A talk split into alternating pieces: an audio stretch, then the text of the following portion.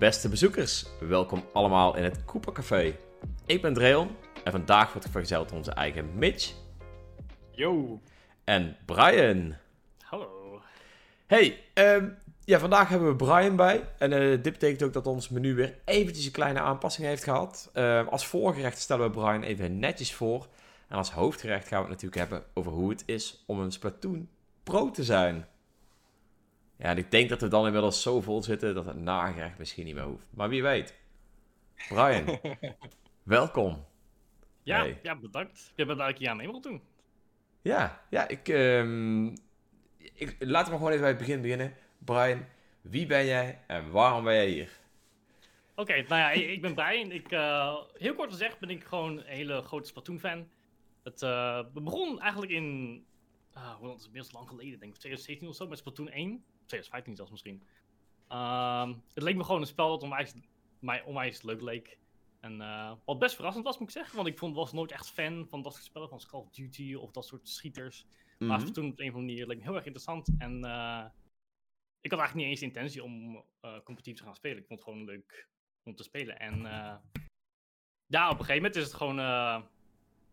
is, kwam ik op mensen tegen die, mij, die ik gewoon erg interessant vond. En we hebben een team gemaakt. En zo is dat er door de jaren heen gegaan. Ik ben een aantal keer meegedaan aan Nederlands kampioenschappen. En ook internationale wedstrijden. In uh, zo onder andere Amerika en Japan. En uh, ja, dat is wel heel wat, sick, man. Ja. Ja, wat simpel begon is uiteindelijk toch wel iets uh, groters geworden. Dat is, uh... Een beetje uit de hand gelopen. ja, dat kan je wel zeggen, ja. Want we, we gaan nu helemaal van, uh, van ik begon met Splatoon 1 met een paar vrienden naar uh, ik stond in Japan. Woeps. Wat, wat ja. is daar tussenin een beetje gebeurd? Want die vrienden waren dat gewoon uh, vrienden van jou, Nederlanders, met wie je gewoon afgesproken hebt om online Splatoon te gaan spelen? Of hoe is dat een beetje, hoe is dat geëscaleerd, zeg maar? Nou, dat is helemaal leuk, want toen ik Splatoon 1 kreeg, zeker terug was het nog niet zo bekend. Deels ook omdat het op de, de Wii U kwam. En de Wii U, mm. dat weet je waarschijnlijk wel, dat is nog niet heel uh, goed bezig geweest. We don't talk about the Wii U. dus, uh, veel, veel kennis van mij die, die speelde helaas geen Splatoon. Dus wat ik uh, deed, ik speelde gewoon Turfwar gewoon voor mezelf. Dat ja. kan, dat kan je trouwens bijna niet meer voorstellen. Toen had je alleen maar Turfwar in het begin. Die heb je echt van alles, maar dat... Mm. Maar ja, ik, oh, ja. ik kwam dus online gewoon willekeurig mensen tegen. En op een, op een gegeven moment kwam ik iemand tegen die, die denkt van, oh, die is zo goed. Daar wil ik wel vaker mee spelen. En die uh, voegde ik toe als, als vriend. En uh, uiteindelijk kwamen we in contact via Miiverse, dat, dat bestond toen ook nog. nice. de, de, hij stuurde mij een berichtje van, hey, je bent ook wel echt goed, wil je samen een team maken? En ik denk van, oh, nou, nou niet zeg. Dus dat... Uh, Let's go. Het was met een, uh, ja, was, dus gewoon een willekeurige iemand die ik gewoon via Turbo heb ontmoet. Dat, uh, ben ik mee een team begonnen en zo in steeds meer mensen in contact gekomen. En uit welke, uh, welke landen kwamen die, uh, kwamen die mensen zo'n beetje? Uh, voornamelijk Duitsland. Dat, uiteindelijk werd, de, werd, werd ons team een beetje groter. We hadden mensen ook uit Frankrijk of Engeland. Maar dat, helaas andere, geen andere Nederlanders op dat moment. Okay. Maar was inderdaad wel erg gezellig, ja. En dat deed je, dan, deed je dat dan ook met, uh, met voice chat en dergelijke? Of via Discord? Of, hoe, uh, of, of helemaal geen chat? Of zat je gewoon allemaal te boeia en overheer te spammen? dat, dat, kan je, dat is, dat is, helemaal oud. Dat was via Skype. Oh, oh ja, ja. de Skype-tijd, ja. Ja, ja ik denk dat Discord, dat, dat kwam uh, rond Splatoon 1 een beetje in opkomst. En uiteindelijk gingen we daar ook naar switchen. Maar in het begin, dat, dat, dat, dat echt was... Zo, dat, niet geloof dat het nog dat op bestaat. Maar dat, ja, dat was inderdaad via Skype. Gingen we gewoon in contact met elkaar mensen maken. Oké, uh... oké. Okay. Okay. Ja. okay, nice. En dan praat je Engels, denk ik? Of uh, praat je Duits? Ja, nou, ik, ik, maar, moet je, maar moet je geen Duits horen spreken hoor. Dat is echt verschrikkelijk. dat... maar nee, dat was inderdaad gewoon Engels. En af en toe dan, dan gaan de, de, de Duitsers gingen even los. Die gingen even lekker Duits praten. Maar dat, uh, over het algemeen inderdaad gewoon Engels.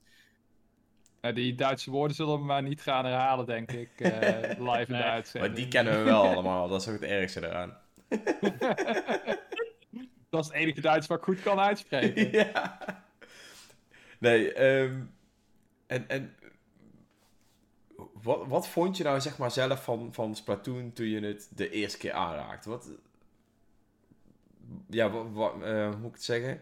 Wat heeft ervoor gezorgd dat je toch zo geïnteresseerd bent geraakt in Splatoon? Want het is... Ja, ondanks dat je games als Call of Duty en zo, je zelf al zegt, niet, eh, eh, en niet aansprak. Maar je zei wel van, oh, maar er was iets in Splatoon dat mij, dat mij wel aansprak. En kan je iets vertellen over wat dat dan, wat dat dan anders maakte?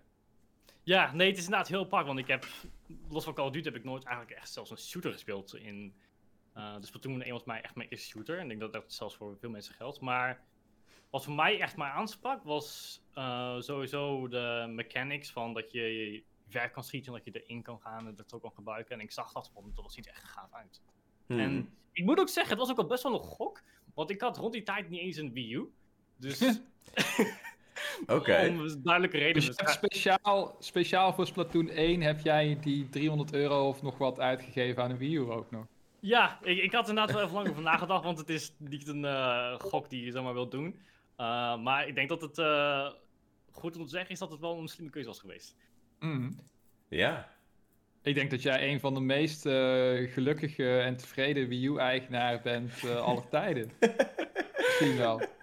Nou, ik dat... moet zeggen, inmiddels is hij uh, stof aan het opvangen hoor, dat wel. Maar goed, ja, hij heeft ja, je wel een goede tijd gegeven, toch? Hij heeft, hij heeft, zijn, werk, hij heeft zijn werk ja. gedaan. Hij heeft zijn werk gedaan. In die paar jaar heeft het echt... ik ben er heel uh, tevreden mee geweest. Dus, Hoeveel uur had je ongeveer in Splatoon 1? Oh, Gaan we al meteen met de directe oh, beginnen? Dat kun je terugzien, toch? Splatoon 1 was volgens mij ergens tussen de 1000 en 2000 of zo. Ah, oké, oké. Dat, okay. dat is redelijk. Dat, dat is redelijk schappelijk. Nou, je moet niet bij Splatoon 2 een getal horen, dat is wel erger. Maar die willen we wel horen, natuurlijk. Ach, dat, dat, het, het ergste is zelfs in Splatoon 3, als je je save-file van Splatoon 2 hebt, laat hij je gelijk als je het spel opstart zien: hey, je hebt zoveel uur in Splatoon 2 gespeeld. Dus je kan gelijk ja. even herinneren van: oh. uh, maar nee, dat was uh, 6500, zoiets. Oeh, 6500. Nice. Dat, is, dat is wel heftig, ja. Dat is heel heftig, ja. Ik heb uh, 1400 uur in uh, Super Smash Bros. Melee of zo. En daar ben ik al redelijk niet trots op, maar... nee, nee, precies. Dus ik denk van toen ik van toen drie voor de eerste opstartte, denk ik van... Oh, even voor herinnering. Dit is hoeveel je Splatoon 2 hebt gespeeld. Dank, oh, dankjewel. en toen dacht jij bij jezelf, wat ga ik inhalen? nou, tot nu toe hoe Splatoon 3 eruit ziet, dat zal waarschijnlijk wel gaan gebeuren, ja. Oh, damn. Oké, um, oké. Okay, okay. Ja. Oh, dat is wel heel heftig hoor. 6000. Ja. Dan nee, moet je even dat voorstellen, dat... Mitch. Dat is gewoon 600 keer Xenoblade Chronicles 3, hè? Ja. Ja. Ja, dat zijn, uh, dik, dat zijn dikke cijfers. Um, maar waar ik ook nog wel even benieuwd naar ben, uh, want je, je, bent het dus toen gaan spelen hè, met, uh, met vrienden en toen ben je denk ik steeds beter geworden en beter geworden. Maar wanneer kwam dat dan moment dat jullie zeg maar gingen meedoen van oké, okay, nu gaan we meedoen aan een competitief toernooi. Ja, dat was eigenlijk best interessant, want uh, zeker in het begin, Splatoon 1. Dat, Waren die er überhaupt? Sorry? Waren die er überhaupt in het begin? Ja, dat is nou precies het ding. De, de, de, de community die was echt nauwelijks opgebouwd. En zoals ik al zei, Skype was nog wat meest gebruikt. En Discord, dat, waar nu vaak wedstrijden worden gehouden, dat bestond bijna. Nou, het bestond wel, maar het was niet echt bekend. Nee. Dus uh, de eerste toernooi, die was uh, via Reddit uh, geplaatst. Oké. Okay. Dat, was, uh, dat heette Booyah Battle volgens mij. En dat was uit mijn hoofd volgens mij de tweede Splatoon-wedstrijd. De eerste was Sink or Swim. En ik heb daar veel dingen over gehoord trouwens, moet ik zeggen. Dat, uh, het is niet heel vloeiend lopen. Oké. Okay. Dat, uh, maar dat, naam. het was wel een vette naam, maar dat uh, Sink or Swim, dat, dat beschrijft ook wel hoe de, de wedstrijd ging. Het, uh, er, er werd vooral gesinkt en weinig geswimd. Ja, precies. maar nee, dat, uh, hoe het dus ging is, wij, uh, op een gegeven moment hadden wij dus best wel mensen, een stuk of zes, zeven, één of tien. En een van ons die zag via Reddit inderdaad van, hé, hey, dat is een wedstrijd. En zullen we daar meedoen? En, en dachten van, nou, dat is echt wel leuk. Dus ja, we schreven ons in. En ik moet wel zeggen, het ging niet heel tof. Ik denk dat we in ronde twee of drie al uit de wedstrijd waren. Dus dat ging we best snel, maar het, het was gewoon leuk. En ja, zo gingen we gewoon... Terwijl de community, community steeds groter werd en ook meer beter georganiseerd werd qua wedstrijden, gingen we steeds vaker meedoen. Het was ja, echt leuk. En die toernooien, die vonden, dat waren dus offline toernooien, begrijp ik ook. Of online toernooien, online, zeg maar. Waar, of waren er ook offline toernooien? Uh, nee, deze waren in het begin online. Mhm. Er waren wel offline toernooien. Er was bijvoorbeeld in, eh, een beetje rond het einde van Splatoon 1 was er een wedstrijd georganiseerd door eh, ISL. En eh, Oké. dat was inderdaad eh, offline. Dat daar kon je voor kwalificeren. Dat, eh, uiteindelijk kon- kon- konden daar vier teams voor kwalificeren. En wij waren daar één van met ons team. Nice. Dat het, eh, we waren toen, eh, we- noemen onszelf crème fraîche trouwens. Dus, eh, Nice. Nice. ik, moet, ik moet zeggen, to- als ik naar alle teamnamen kijk die ik nu heb eh, doorstaan, dat is toch wel steeds een, een van mijn favorieten. Oké. Maar, maar daar, daar kon je inderdaad dus voor kwalificeren. En er was een, eh, een wedstrijd in, in eh, Frankrijk uiteindelijk. En dat, dat kon ik meedoen. Dat was eh, ook een van de eerste keren dat je ook inderdaad ook de mensen ziet waar je tegen speelt. Dus dat was echt eh, Ja. En, wel, best wel een ervaring. eh, hoe moest je je daarvoor kwalificeren? Moest je dan eh, eerst wedstrijden online spelen? Of hoe, hoe kan ik me dat een beetje voorstellen? Ja, nee, het was inderdaad online. Je hebt inderdaad eh, via ISL, die hebben een eigen wedstrijd, een website daarvoor. Daar moet je dan dus voor inschrijven. En dan uiteindelijk de meeste. En dan heb je dan, uit mijn hoofd, had je dan vier qualifiers. En dan Mhm. de, de winnaar van elke qualifier, die ging dus meedoen aan het eh, toernooi op de, ja, in Frankrijk. Dus dat, Ah, Oké. Oh, damn. Ja, nee, je kon, je kon er ook een eh, Switch voor winnen. Toen, eh toen Oh. Dat, dat, goeie ja, dat- timing. ja, Goeie dat, eh, timing. zeker. En dat heb je gewonnen? Helaas niet gewonnen, nee, Oh. helaas niet. Ehm, dat, dat, ehm, ja, we deden wel best, eh, ik was wel best wel blij met hoe we speelden. Want zeker voor, eh, om voor het eerst offline te spelen, dat hadden we natuurlijk nog nooit gedaan. Dat is toch wel echt wat een dingetje. En, eh, Hm. Maar ja, dat, dat, dat, eh, voor mijn gevoel ging best goed. Dat, eh, Hoeveelste waren jullie voor? Uh, nou, het waren dus ehm top 4. En wij Mhm. moesten de eerste ronde tegen, Mhm. dat heette Team Bij volgens mij uit mijn hoofd. Dat, eh, uit mijn hoofd was dat de Dudes, uh, Sandu, Nike en eh, nog iemand volgens mij. En eh, die, daar hadden we helaas tegen verloren. Dus we waren dus eh, gedeeld eh, de derde, vierde. inderdaad. Ah, Ja, oké. ja. Maar voor een eerste keer offline toernooi, op zich eh Is toch vet? Ja? verkeerd. Ja. Nee, ja, wij waren echt tevreden mee. En dit, dit team, dat, dat is inderdaad begonnen in Splatoon 1. En het is inderdaad Mhm. ook zelfs gewoon door Splatoon 2 nog eh, ja, doorgegaan. Ik denk dat we uiteindelijk zo bijna duizend dagen actief zijn geweest. Oh, damn. Daar ben ik echt niet ontevreden mee, nee. Jij bent wel van de duizendtallen. Nou, ik moet wel zeggen, we, voor mij gingen tien uit elkaar. Drie dagen voor de duizend, dus niet helemaal. Maar bijna. oké. Oké. Hey, nee, eh, ik wil even heel kort eh, een rondje vragen uit de chat eh, doen, want er is best wel wat, eh, best wel wat activiteit. Ja, ja, ja. Eh April zegt bijvoorbeeld: Brian, is dat een curlingbomb achter je? Ik Ja. denk dat hij jou. Ja, Oh, wat? Ja. Dat is echt een curlingbomb. ja dat is een curlingbom. Ja, nee, dat leuke is, die kan je zelfs op de grond doen en dan gaat hij gewoon rond. En dan gaat hij bij elke eh, muur of zo gaat hij dan omdraaien. Oh, dat is sick, man. Die, die had ik, eh, dat, was, dat was leuk trouwens. We gingen natuurlijk ook een keer naar Japan toe. En eh, zeker in Mhm. Japan, je, je kan bijna in elke winkel, nou niet, niet elke winkel, maar in veel winkels kan je gewoon lopen en dan zie je gewoon ergens platoon staan. Mhm. Dit is daar zo bekend. En eh, de- deze kulling die hadden we van een eh, s- zo'n al gekregen.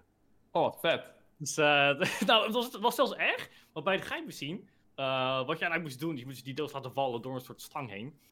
En uiteindelijk Mm. viel die, maar kan die onderaan nog vast zitten. Dus moesten er zelfs een andere een eh, werknemer erbij halen om hem eruit te krijgen.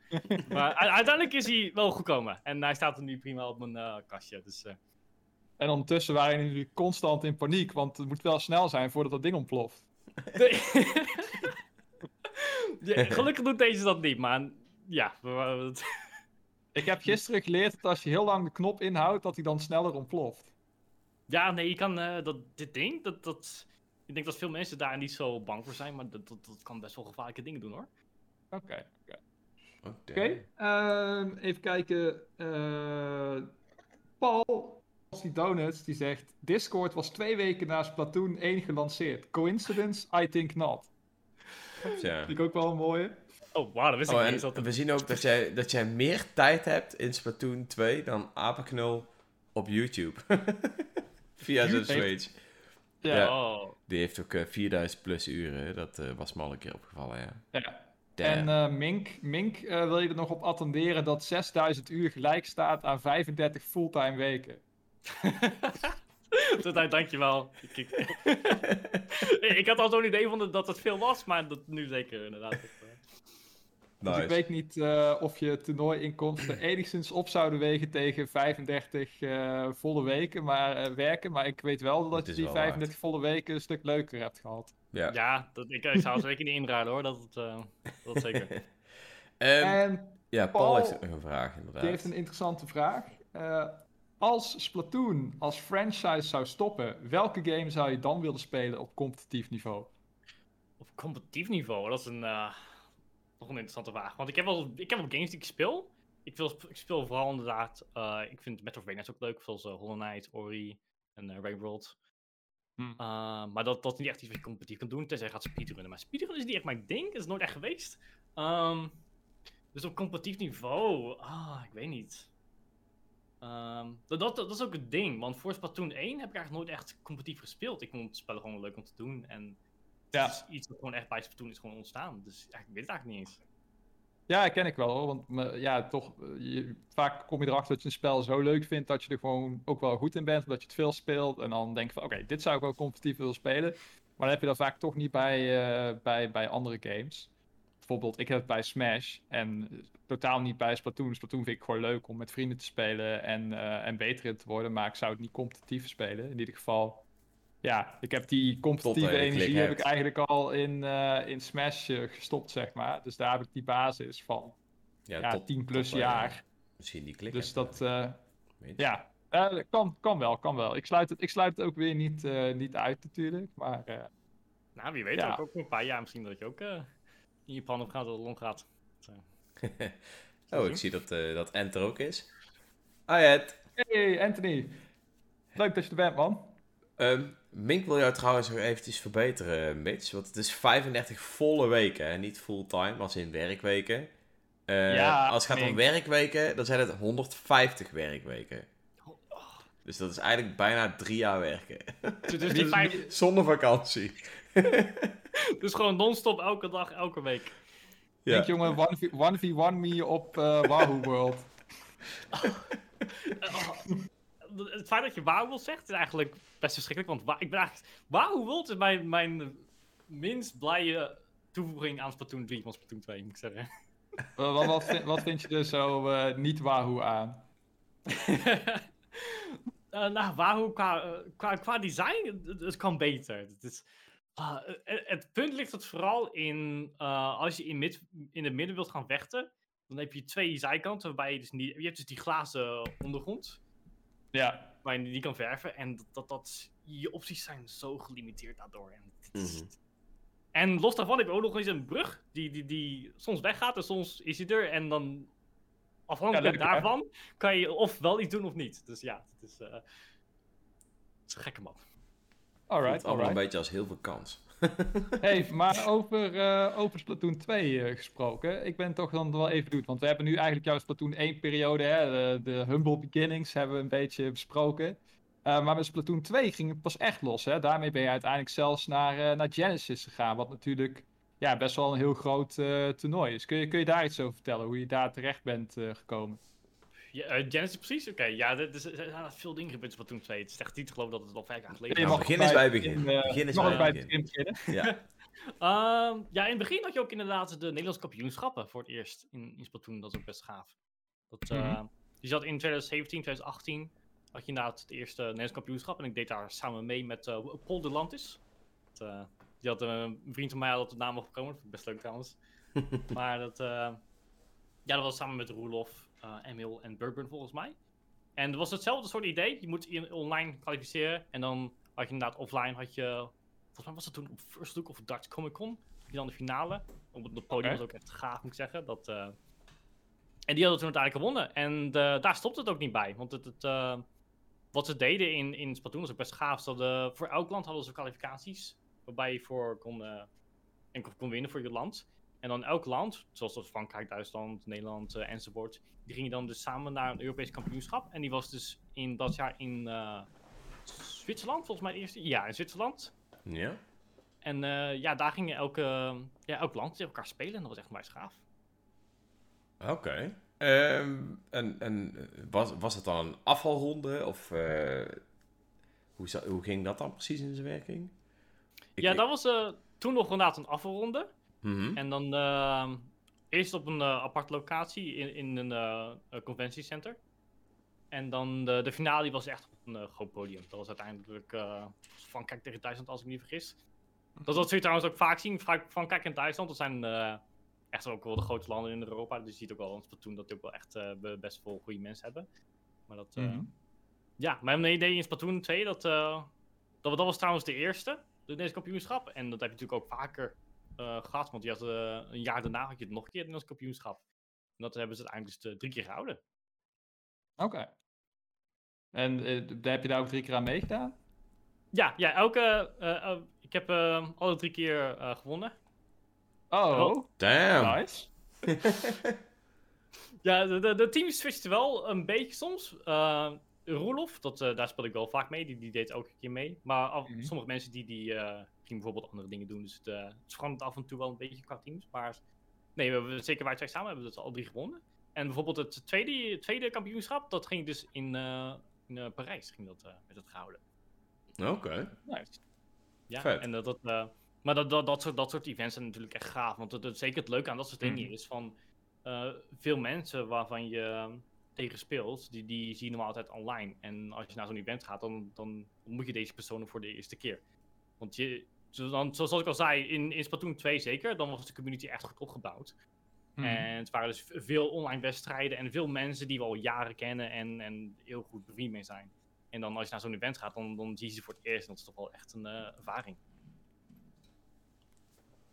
En, ja, want, want inderdaad, want, want, hoe is het dan om na een flink aantal jaren opeens jouw teamgenoten te zien? ja. viel, viel, het niet ook een beetje tegen? Of waren ze gewoon super gezellig? Of... Nee, het was echt fantastisch. Dat, dat, eh, eh, ik moet zeggen, het was zelfs moeilijk om gewoon uiteindelijk gewoon weg te gaan. wat, wat, je vaak ziet, wat je heel erg. Dat, dat, als je, je kan dan elke persoon vragen in de Splatoon community. Mhm. Als een LAN afgelopen is, dan heeft iedere persoon heeft depressie.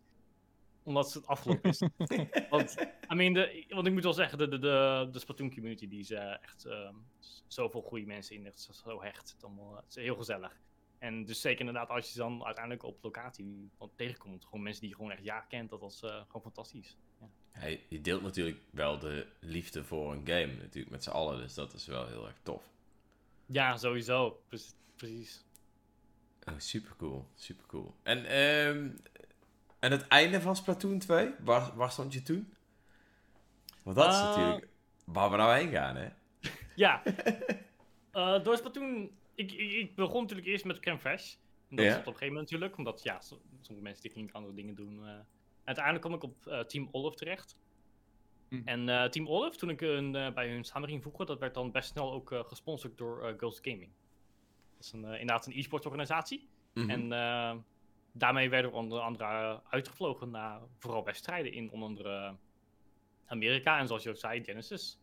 En dat, dat moet ik zeggen, ging onwijs goed. We hebben uiteindelijk uh, volgens mij het record gehaald voor de meeste opeenvolgende win uh, eerste plaatsen op een uh, landtoernooi.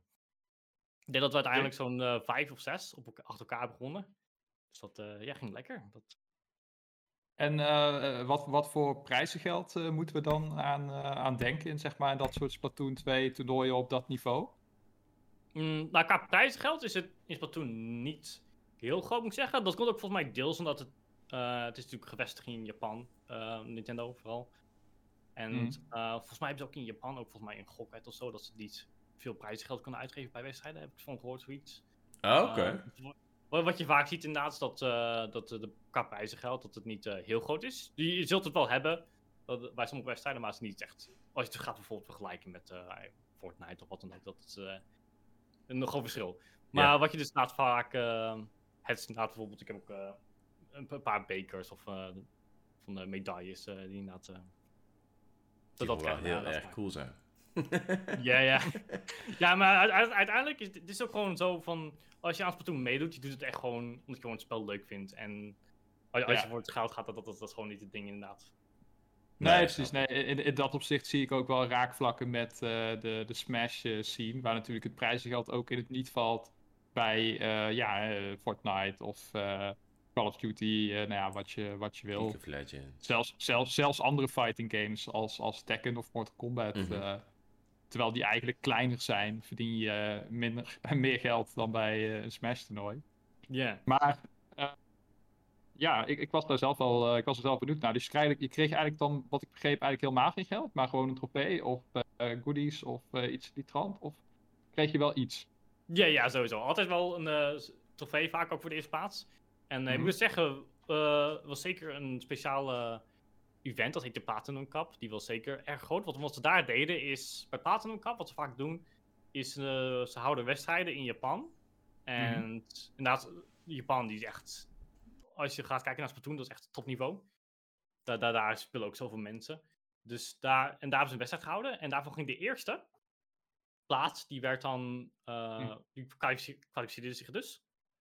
Dat was trouwens ook leuk, want voor Platinum Cup, toen, eh de team dat zich kwalificeerde, was echt een, een, een team van, van kinderen die, die denk ik, eh, negen soms misschien waren. Dus, maar die Oh, waren, gewoon, shit. die waren Oh, gewoon zo goed, dat, dat, dat gewoon echt iedereen had verslagen. En dat is echt niet te geloven. Echt, iedereen vond het fantastisch echt, dat, dat, dat hun gewoon eerste waren geworden tijdens de wedstrijd. Dat is wel heel sick. Ja, dat is Ja, maar ja, die ziek, Platinum ja. Cup, dat werd dus inderdaad dus, eh, in Duitsland toegehouden. Dus die, Mhm. eh, die Japanse team werd naar Duitsland gevlogen. En tegelijkertijd had je inderdaad ook in Europa had je ook kwalificaties. En daar gingen dus de twee beste teams, gingen er ook, eh, of volgens mij de beste drie teams, Mhm. eh, die konden ook zich kwalificeren. En die gingen dus in Duitsland tegen elkaar spelen. En dat was, eh, dat was echt spannend, moet ik zeggen. We speelden toen als, als Ghost Gaming, want om tegen een Japans team te spelen, dat is echt nooit niks. Ehm, dat, eh, maar die hebben uiteindelijk inderdaad gewonnen. En we waren toen ook echt een van de eerste westerse teams die Japan hadden verslagen in een Oh, oh. toernooi. Oh, nice. En toen Dat hadden ze daar inderdaad ook echt... Nee, ja precies. En toen was inderdaad daar ook inderdaad wel een mooie trofee bij, moet ik zeggen. Dat was wel gaaf. Oké. Ah, nice. Right. Eh, Eh, ik- ik- we, we hebben het de hele tijd over Even eh tussendoor, Splatoon ik zie hier nog wat, wat vragen van de, de chat. Die Oh. zijn altijd eventjes heel belangrijk. Ga er even een vragenrondje doen? Ja, uiteraard, want die komen hier natuurlijk Go allemaal ahead, nu voorbij. Ehm, Brian, wat is je favoriete stage in alle 3D games en waarom is het Snapper kanaal? Waarom is dat Snapper-kanaal? Oh jeetje, in alle drie, oké. Ten eerste moet ik zeggen, Snapper-kanaal is best prima. Ik heb er eh, niet eh, veel op tegen. Het is niet mijn favoriet, maar het is dus eh, prima, prima. Oké. Ja. Maar welke is het? Moet het alle drie dezelfde zijn of kan het allemaal ook één apart zijn? Eh, go ahead. Maak er iets Oké. moois van. Hij is vooral benieuwd Ehm. natuurlijk wat je, je meest lievelingslevel is, maar je mag ze voor mij van alle games vertellen. Oké, eh, Splatoon 1, dat is, eh, dat is een lastige. Want het, het grappige is in Splatoon 1, omdat het natuurlijk een nieuw spel was, bijna niemand had enig idee wat er gebeurde. Mhm. dat, want veel mensen die vonden onder andere Walleye bijvoorbeeld erg goed. En nu zie je inmiddels in Splatoon 2 dat mensen een beetje snappen hoe het spel werkt. En dan kijken ze nu naar Walleye van, hoe konden we dit ooit leuk vinden? Deze map is echt verschrikkelijk. dus eh, ehm, ik denk dat ik in Splatoon 1 Moray het leukst vond. Maar dat is, als ik nu terug naar mezelf kijk, denk ik van, wat bezielt je? Mhm. Ehm, Mhm. Maar dat was vooral omdat ik toen ook veel Elite speelde of Sniper. En als je dat speelt, dan is Moray echt fantastisch. Ja. Dat jullie ook dat denk ik al wel weten. Ehm, Inmiddels denk ik van Moray, echt, ik heb dat zeven jaar gespeeld, ga alsjeblieft weg. Ehm, ik ben eh, blij dat hij niet in eh, Splatoon 3 zit. nee, en hopelijk blijft dat ook zo. want eh, het is niet zo erg, maar op een gegeven moment denk je van... eh, dat dat is ook het punt, want in Splatoon 1 waren er zoveel Elite spelers. Dat iedereen die pikte die map ook. En die ging dus ook elke keer op die map dat ze ook spelen. Ja. Maar ja, voor één is dat dus Spat- Moray. Ook al ben ik daar nu niet eh, mee in overeenkomst. En dan voor Splatoon 2. Ah, ik denk dat ik Mako moet zeggen. Mako is echt eh, sowieso leuk. Maar ook als ik nu naar kijk, dan denk ik van... Oké, die was echt goed gemaakt. Oké. En nou ben ik wel heel benieuwd in 3 nu. In 3... Voorlopige favoriet. Ja. Oeh. Ehm, ik moet zeggen, Mako die zit nog steeds wel heel hoog. Maar ehm, dit, dit is het interessante. Er zijn veel Splatoon 3 maps die heel interessant leken, maar ze hebben ook wel een aantal veranderingen gemaakt op last minute die ze iets minder maken in mijn mening. Maar als ik er toch één moet kiezen die nieuw is in Splatoon 3, dan... ehm, ehm, ik, ik, ben, ik, ik moet nog steeds die naam al leren. Dat, dat, dat, dat is de map met? Nee, de, de map met al die heuvels, die, die, eh, die midden. Dat, dat, eh, Eh. Je hebt ook een eh, glas sniper waar je ook kan afschieten. is dat Eeltail Alley? Of nee, dat is niet Eeltail Alley, hè? Nee, Nee, dat ik, eh, ik weet wel welke map je bedoelt, want ik heb die vandaag nog gespeeld in Splatzo. Dus stond ik Oh, ook met op die dat, twee eh, glazen dakjes. Ja, precies. glazen dakjes. Oh damn, hoe heet dat level ook alweer? Als iemand in de chat Iemand weet... in de chat eh, weet het. Ik denk Zelly of ik, Alphonse. ik ben zelf ook echt zo slecht in naam onthouden. Ik moet echt dat... eh, Zelly of Alphonse zal het vast wel zo vertellen of voor ons op willen zoeken terwijl wij eh, hier interessant aan het praten zijn. Maar die map is wel Top, vet, ja. jongens. Zet is hem wel vet. Ja, dat is eh, zeker een van de tofste maps, ja. 100%. Ja. Even kijken, en ik zie nog van Zenny Game Direct over het einde van Splatoon 2 gesproken, Brian. Was jij de Ink Armor ook zo zat? Of vond je het nog niet tijd voor een nieuwe game? Hmm. Eh, Er waren wel dingen die ik zat was van Splatoon 2, moet ik zeggen. Dat deels, eh, niet zozeer Amber eigenlijk, moet ik zeggen. Uh, maar deels ook Stingray. Ik denk dat daar ook veel mensen mee eh, in een overeenkomst zijn. Mhm. Ehm, het ergste is wel, ik, ik speel vaak wapens, eh, ook in mijn team, die, die het vereist voor mij dat ik ook Stingray speel. Dus ik, ik ben ook deels de oorzaak, moet ik zeggen. Ehm, maar ja, het is, het is een dubbel gevoel. Het is van, het- ik vind de span natuurlijk nog steeds gewoon onwijs leuk. Uh, Ja. Maar het is wel tof om te zien dat, dat ze, zeker in Splatoon 3, dat ze nu echt wel een betere richting ingaan. Oké. Ehm, ik zie nou overigens Undertow Spillway. Ja. ja. En Mincemeat Metal, zegt Mink vol zelfvertrouwen. Mincemeat Metal is... Oh, dat echt... Alsjeblieft niet, nee. Eh, eh, eh, het punt vooral op die map is dat als je in het midden wilt gaan vechten, dan heb je echt ook bijna geen opties. Het, is eigenlijk een soort van bouw hoe wilt, maar je hebt ook geen zijkanten. Mhm. Het, is, eh, het is in ieder geval Undertow Spillway eh waar je het over had. Het is eh, voor jou de Ah, definitieve map. Voor nu, hè? Tot eh, Voor er nu, misschien nieuwe ja. maps komen. We houden hem in gedachten, we houden hem in gedachten. Ja, Ja. dat gaat ook denk ik veranderen, denk ik wel. Want ik zag ook inderdaad dat Flounder ook terugkomt. En daar lijkt me ook wel echt leuk om te zien dat hij weer terugkomt. Nee, Oké. ik, was, eh, ik was nog even benieuwd. We hebben het nu best wel gehad over eh, jouw rise to fame in de Splatoon esports eh, scene. En daarom Mhm. hebben we het ook constant over teams. Maar kun je ook iets vertellen over wat het inhoudt om eh, deel te zijn van een team? Eh, betekent dat dan dat je zoveel uur per week moet spelen? Of dat jullie vaak online afspreken om te grinden of dat soort dingen? Zijn daar nog eh, verplichtingen of hoe dat zien? Eh, ja, hangt een beetje af van welk punt je ook een beetje bekijkt. Want toen wij inderdaad gesponsord waren via Ghost Gaming, dan was het inderdaad ook echt van... Mhm. Oké, we moeten echt gewoon eh, goed presteren. Dat, dat, is echt gewoon belangrijk. Uh, maar bijvoorbeeld toen wij ook met Cam Fresh speelden in het begin van Splatoon 2, dan is het echt gewoon van... oh, Oké, like, hoeveel tijd wil iedereen hier aan besteden? Want ehm, de dames is ook uiteindelijk uit elkaar gegaan. Omdat het- je moet natuurlijk wel mensen vinden waarmee het goed samen gaat. Maar Mhm. het is- je- wat, wat gewoon gebeurt is, je, je, je, je- vindt gewoon mensen die, die gewoon net zoveel tijd willen besteden aan het spel als jij. Ja. En, eh, want het- uiteindelijk waar het om gaat, is, is gewoon plezier hebben. Je gaat niet mensen forceren om, om te spelen als ze dan niet willen. En dus eh, de- zelf vind ik wel het, nou, het spel meest leuk. Dus ik speel vrijwel el- elke avond met mijn team. Nog steeds, eh, overigens? Eh, nou, momenteel speel ik met de willekeurige mensen hier en daar. Maar inderdaad, nog, ja, steeds, bijna elke avond nog steeds wel. Eh, maar ja, dat, dat was gewoon inderdaad wat ik gewoon zo leuk vind. En, eh, dus ja, dat, dat, het is inderdaad best regelmatig. En zeker inderdaad als je ook goed wilt presteren op de wedstrijden, is het ook wel best nodig, ja. En toen je eenmaal gesponsord werd, toen werd je dus eigenlijk ook meer verplicht om het elke avond te spelen. Of... Mm, ja, soort van. Het is meer ook gewoon een gevoel van... Oké, wij zijn nu gesponsord door de organisatie. Ik wil natuurlijk ook gewoon mijn best doen. Dat, dat we het beste voor die organisatie laten zien. Dat, eh, we- het was Hmm. ook gewoon... eh, zeker in Splatoon 2, dat was ook nog niet echt heel groot. Zeker als je nu vraagt met Splatoon 3. Dus het feit dat überhaupt eh, zo'n grote organisatie een team sponsort in Splatoon 2, was eigenlijk best, best groot. Je had eigenlijk in Hmm. Splatoon 2 had je maar twee, drie beetje echt grote organisaties die teams hadden gesponsord. Mhm. Dus het feit dat ze dat überhaupt deden, dat was van, oké, wij willen nu echt... We deden, we, we, besteden sowieso al veel tijd om ons best te doen. Maar zeker nu dachten we van, oké, we willen echt het beste van ons laten zien voor hun. Oké, oké.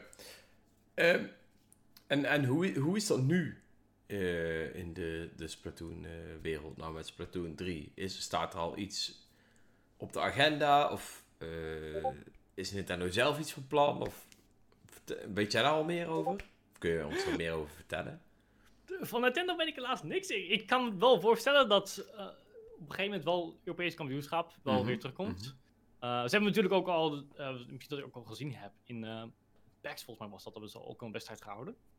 Oké, nee, dat heb ik niet Waar hebben ze, gezien, waar dus, hebben ze wedstrijd gehouden? Uh, in PAX in de Verenigde Staten. Daar, zeker in de Oh, bij Verenigde, oh, PAX, ja. ja. ja. Ja, die Ja, zeker in de Verenigde Staten zijn ze heel actief. Dat is echt gaaf om te zien. Dat, eh, en dat, dat eh, was ook. De finale was ook inderdaad tussen, tegen, tussen Starbust en eh Jackpot volgens mij.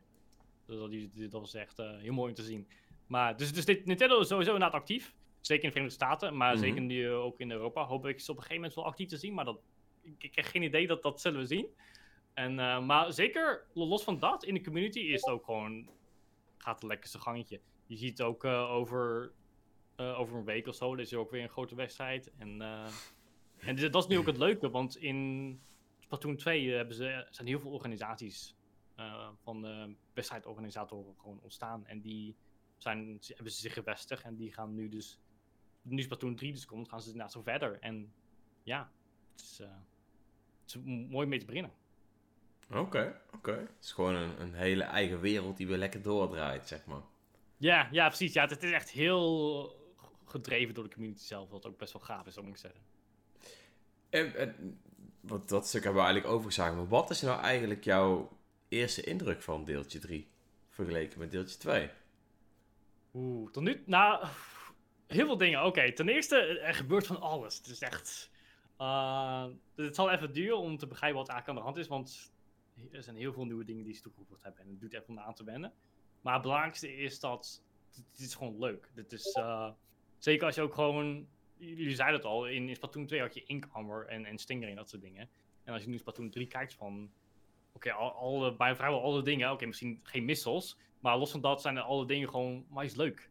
En dat, dat, is nu gewoon het belangrijkste. En dat, eh, ja, dus van mijn eerste mening is, ziet er heel goed uit. En ik, ik kijk ernaar uit om te zien hoe ze dit verder gaan zetten. Oké, oké. Ehm, nu zie ik ook, volgens mij is dat een vraag van een van de kijkers eh, nog voordat we begonnen zijn, toch Mitch? Over de Eh, ja, Ik stel, zeker. voor, ik stel voor dat het daar is. Want die komt in ieder geval van Zenny. Die zit eh, momenteel trouwens ook in, in de chat, zie ik. Dus Ja, Maar klopt. die- ja, we hebben van tevoren wat vragen van lezers, kijkers gekregen. ja. Ehm, en die vraag van Zenny is: vergeet jij ook wel eens dat je de squidroll kan gebruiken? Een soort van, ja, ik moet zeker in het begin. eh, de- de- dan dacht ik, dan speel je een match. En dan denk je van, oh ja, dit, dit, deze, deze nieuwe mechanic bestaat. Eh, maar wat, wat ik dan vaak mee doe, is dat ik, kan het ook adviseren als mensen daar moeite mee hebben. Wat je eigenlijk gewoon Mhm. moet doen, is je moet gewoon een, potje ingaan. En je moet gewoon echt op elk, elk, punt wat je dan ook kan, zelfs als het onnozel is, moet je gewoon die skittle gaan gebruiken. Zelfs als je gewoon uit je, weet ik wel, uit je span gewoon zwemt, eh, zwemt en er is niks aan de hand. Je moet gewoon die skittle doen, gewoon elk moment wat je kan. En dan komt het in je systeem. En op een gegeven moment kan je dus gewoon, ja, kan je gewoon nadenken van, oké, wanneer wil ik nou eigenlijk dit echt gaan gebruiken? Want je wilt natuurlijk niet elk moment dat die skittle gaan gebruiken, maar ja, dus als je daar moeite mee hebt, dan kan je dat inderdaad proberen. En dat deed ik ook zelf inderdaad in het begin. Want ik merkte ook gelijk van, ja, dit is, ik moet dit echt gewoon in mijn systeem krijgen. Want het is echt gewoon een nieuw ding wat ik gewoon steeds vergeet anders. ja, ja, ja. Wat, wat zijn, eh, wat zijn eh, even voor de mensen die het niet weten, eh, waaronder ik, wat, wat zijn nou echt de, de voordelen van de, van de squidroll? En is het zeg maar iets wat je altijd moet gebruiken, of alleen als je bepaalde wapens of bepaalde setups hebt? Of is het eigenlijk gewoon altijd beter om in een gevecht de squidrollen en te schieten, bijvoorbeeld? Ja, dit is een interessante. Eh, want zijn jullie ook bekend met uh, like substreving? Eh, ik zelf niet, moet ik zeggen. Ik kijk Drail even aan. Eh, dat is toch dat je van links naar rechts gaat, of niet? Met eh, iedere keer onder, eh, onder het Ja, ingaan heel en dan snel, naar boven. inderdaad. Ja. Ja, precies. Nou, dat, dat is dus het ding. Want je hebt dus inderdaad dus twee opties. Je hebt één, is dus inderdaad substreven. Dat Mhm. je heel snel naar links en naar rechts gaat. Uh, en je hebt inderdaad dus cutroll. En nu is het ook inderdaad de vraag van wanneer gebruik je welke. En ja, die, scud, die scutroll, dat is inderdaad vooral wat je gebruikt in inderdaad um, gevechten als je geen optie hebt. Want het voordeel van um, substreving is, is dat je gelijk paraat bent om te schieten. stel je, wat je vaak bijvoorbeeld gebeurt, is je zit in een gevecht met iemand anders. Mhm. En als je gaat schieten, dan ben je een stilstaand target. En dan ben je natuurlijk heel makkelijk te raken. Dus wat je dan vaak doet, is je neemt je schot, dan ga je bewegen. Omdat je dan een stilstaand makkelijk target bent. Mhm. Want Mhm. hun gaat dan schieten waar je net stond. En dan wil je substreven, want je wilt bewegen, snel, en dan gelijk weer schieten. En dan, als je bijvoorbeeld skittle doet, dan kan het dus niet. Want als je skittle doet, dat is dus anders. Dat is wel Dan, dat, dat, is, dat is een animatie die gewoon een bepaalde tijd duurt. En dan weet ook de tegenstander van, oh, als hij nu skittelt, dan is hij op een gegeven moment daar en kan ik gewoon daar schieten. Ja. Dus die skittle is echt gewoon een optie van, als je of ja, de damage neemt, of als je na, gewoon probeert te ontsnappen, dat soort dingen. Dus het is echt, ja, de balans daar tussen vinden, dat is, het is heel interessant. De, deze, deze toevoeging ben ik echt blij mee, moet ik zeggen. Maar een squidroll gebruiken om te ontsnappen. Maar al- als ik nadenk van ik moet ontsnappen, dan wil je eigenlijk terugtrekken. Dus dan wil je of naar de zijkant of naar de achterkant. Meestal. Eh, maar als je een squidroll doet, dan ga je juist de tegenovergestelde kant op dan waar je naartoe wil gaan. Ja, ja, het is, eh, het, is, dus- het is een combinatie van meerdere dingen soms. Het is inderdaad, je kan proberen de, de tegenstander een beetje ja, te afschrikken dat, dat ze het niet, dat ze het niet, mee, dat ze niet die skittle aan zien komen, dat je dan mee kan ontsnappen. Maar Hm. eh, het is mogelijk om terug te skittrollen, maar het is iets lastiger, moet ik wel Mhm. zeggen.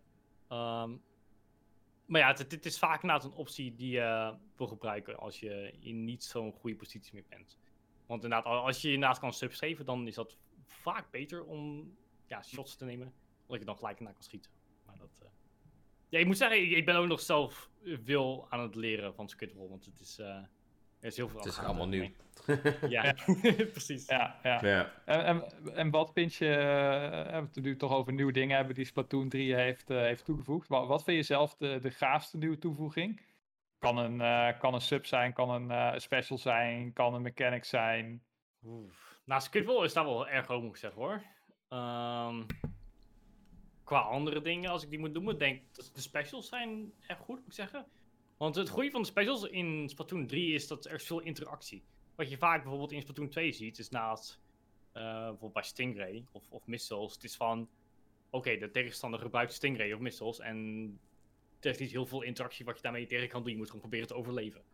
Ja. En in Splatoon 3 is het van, oh je hebt Wavebreaker of je hebt Vacuum of allemaal dingen waarbij je zelf kan beslissen van, oké, wat is precies de interactie die ik daarmee inga. Mhm. En dat, is, dat, is- dat vind ik dus echt slim.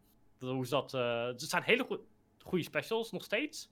Maar er is ook nog steeds veel interactie. En dat maakt ze veel leuker. En dat is ook een deels waarvan, waarom het spel in Splatoon 3 ook gewoon ja, veel beter is in mijn mening. Ja, want ik heb ook eh, begrepen dat eh, Splatoon 3 over het algemeen net wat minder defensief speelt dan eh, Splatoon 2. Ik weet niet of je het daarmee eens bent of dat je dat ook hebt meegekregen. Ja, eigenlijk wel ja. Want inderdaad, is- zoals ik als we besproken, je hebt inderdaad meer opties qua dingen die je kan doen met Squidwall en wat dan ook, ja. Ja, ja. Ja, en ook de specials die zijn wat mobieler en eh, wat minder. eh, jij vuurt ze af en de tegenstanders vluchten naar een hoekje toe om het te ontwijken. en dan gebeurt er even twee, eh, drie seconden niks en dan daarna gaat het weer verder. Ja, precies. En zelfs als je riskant bent, kan je ook nog zelfs... Dat is het leuke daarvan, die specials. Kan je de risico nemen dat je zelfs de specials gaat bevechten. Zoals bijvoorbeeld Inkazuka of Crab. Want die kan je Ja. neerhalen als je Ja, heel... Ik kan eh, het kapot ja. maken, dat weet ik Ja. wel. Ja, want ik ben heel vaak kapot gemaakt als crap namelijk. ja, dat, ja, dat is nou het- het leuke ook inderdaad. Het is, de, de specials die zijn goed, maar ze zijn niet broken. Je moet echt wel verstandig doen. Of verstandig zijn. om- ja, je kunt soms heel kwetsbaar zijn inderdaad als je eh, ze op het verkeerde moment gebruikt. Ja, precies. Maar wat vind je ervan dat de Tenta-missiles nog steeds in de game zitten? ja, dat, dat is wel een beetje jammer. Dat, eh, de, meeste slechte toevoegingen die komen uit Splatoon 2. Eh en Dead Missiles, dat, die is er één van. Maar het is niet verschrikkelijk, maar het, het is toch wel jammer om te zien. Dat, is- dat Maar is- ik vind ze wel leuk. Ik ben zelf nu aan het sparen om eh, zoveel mogelijk specials snel krijgen op mijn eh, reflux eh, te knallen. en dan gewoon Ja. mensen helemaal te gaan terroriseren in, in splat zones of in eh, tower control. Nou, ik moet wel zeggen, het is wel interessant in het feit dat het, het, het zet de match in beweging. Want dat, dat, dat is het vooral met missiles. Ik denk, veel mensen denken dat het Ja. niet goed doet.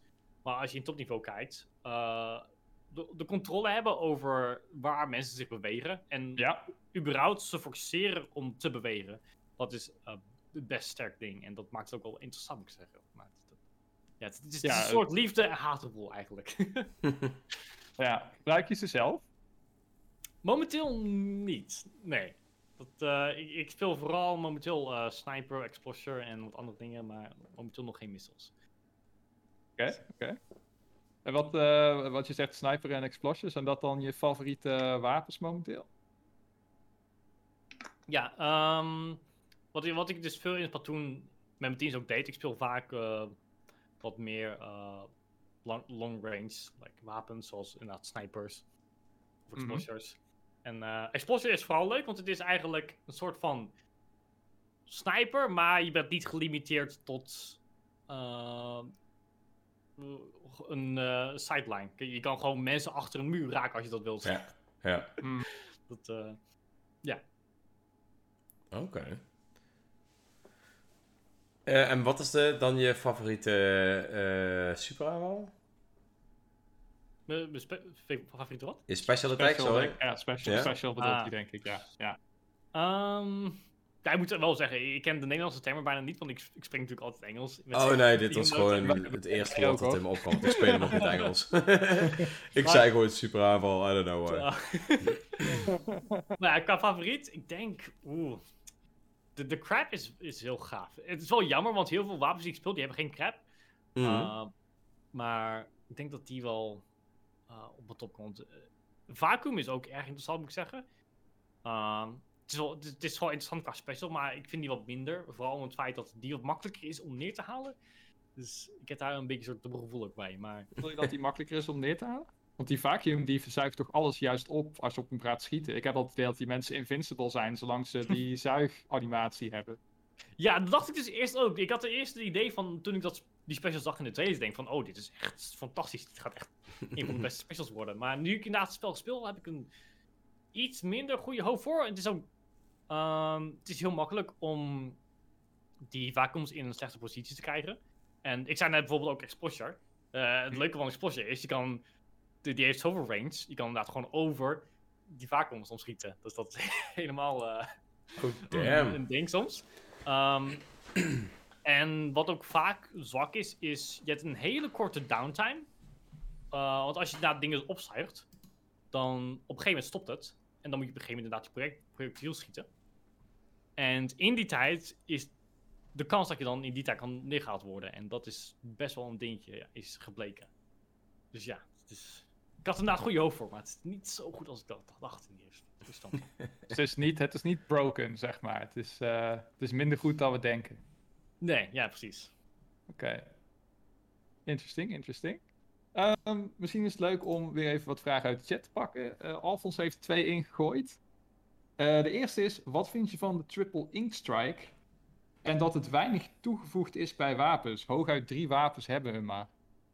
Ja, dat, dit, dit type instrike is ook interessant. Dat is ook echt hetzelfde verhaal eigenlijk. Ik had een idee van, oké, die ziet er heel goed uit.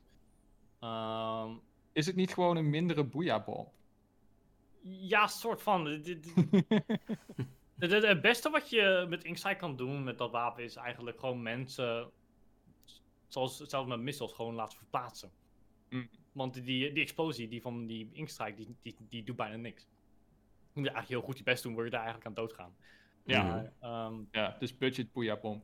ja, precies. Het is, het is, het- Maar voor heeft crowd zijn control is inderdaad wel een hele goede. Ja. Ja. ja, het heeft zijn nut, maar het, het is... eh, ik hoop eigenlijk wel dat het wel op meer wapens komt, want ik... Het lijkt me wel een interessant dingetje, maar ik... Je hebt het nog niet helemaal gevonden, eh, zo Nee, te nee, horen. Nee, nee. En eh Alfons vraagt ook nog, omdat je long range wapens nu, eh, noemt. Ben je toevallig ook fan van de Dynamo roller? De- oh, de Dynamo is... Oh, Dynamo is altijd, altijd interessant geweest in Splatoon. Want ik speelde inderdaad Splatoon 1. In Splatoon 1 was Dynamo echt verschrikkelijk. Verschrik- in, verschrikkelijk goed. Mhm. Uh, want toen was... Ik speelde Dynamo toen ook zelfs, moet ik zeggen. En uh, je kon gewoon soms de hele match achter een zone staan en gewoon op en neer springen en gewoon mensen daarmee neerschieten.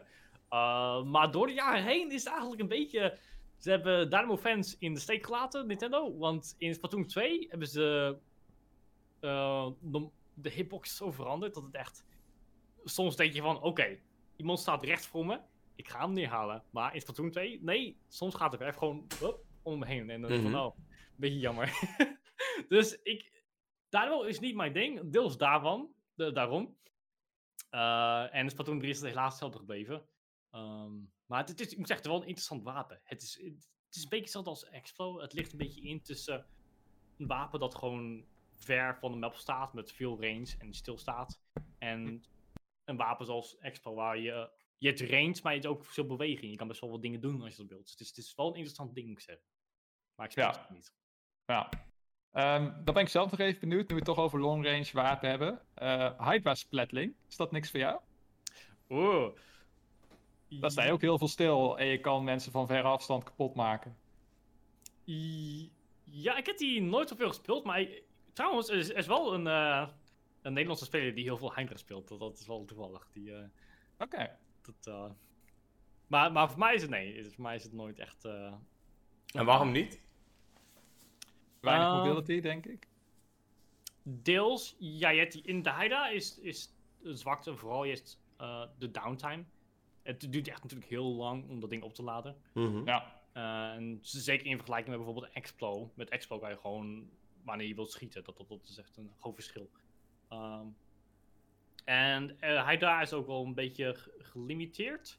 Want stel je moet bijvoorbeeld eh, op Rainmaker of zoiets, wil je bijvoorbeeld de- verdedigen. Eh, dat kan je dus alleen doen als je inderdaad dus tot wapen geladen heeft. En je bent dus ook, als het dus niet zo is, dan, dan ben je dus best, best zwak. Dus Ja. dat, is het enige. Je Ja. kan eventueel daar ehm, voor eh, een oplossing voor doen. Dat je vier Hydra's neemt. Ah, dat, dat hebben mensen ook wel eens geprobeerd. Maar dat is. eh, moet je wel heel gek zijn, wil je dat gaan doen. Maar het, het kan. Vier Hydra's? Ja. Ja, dus dan, een heel dan, team bestaande uit Hydra Splatlings.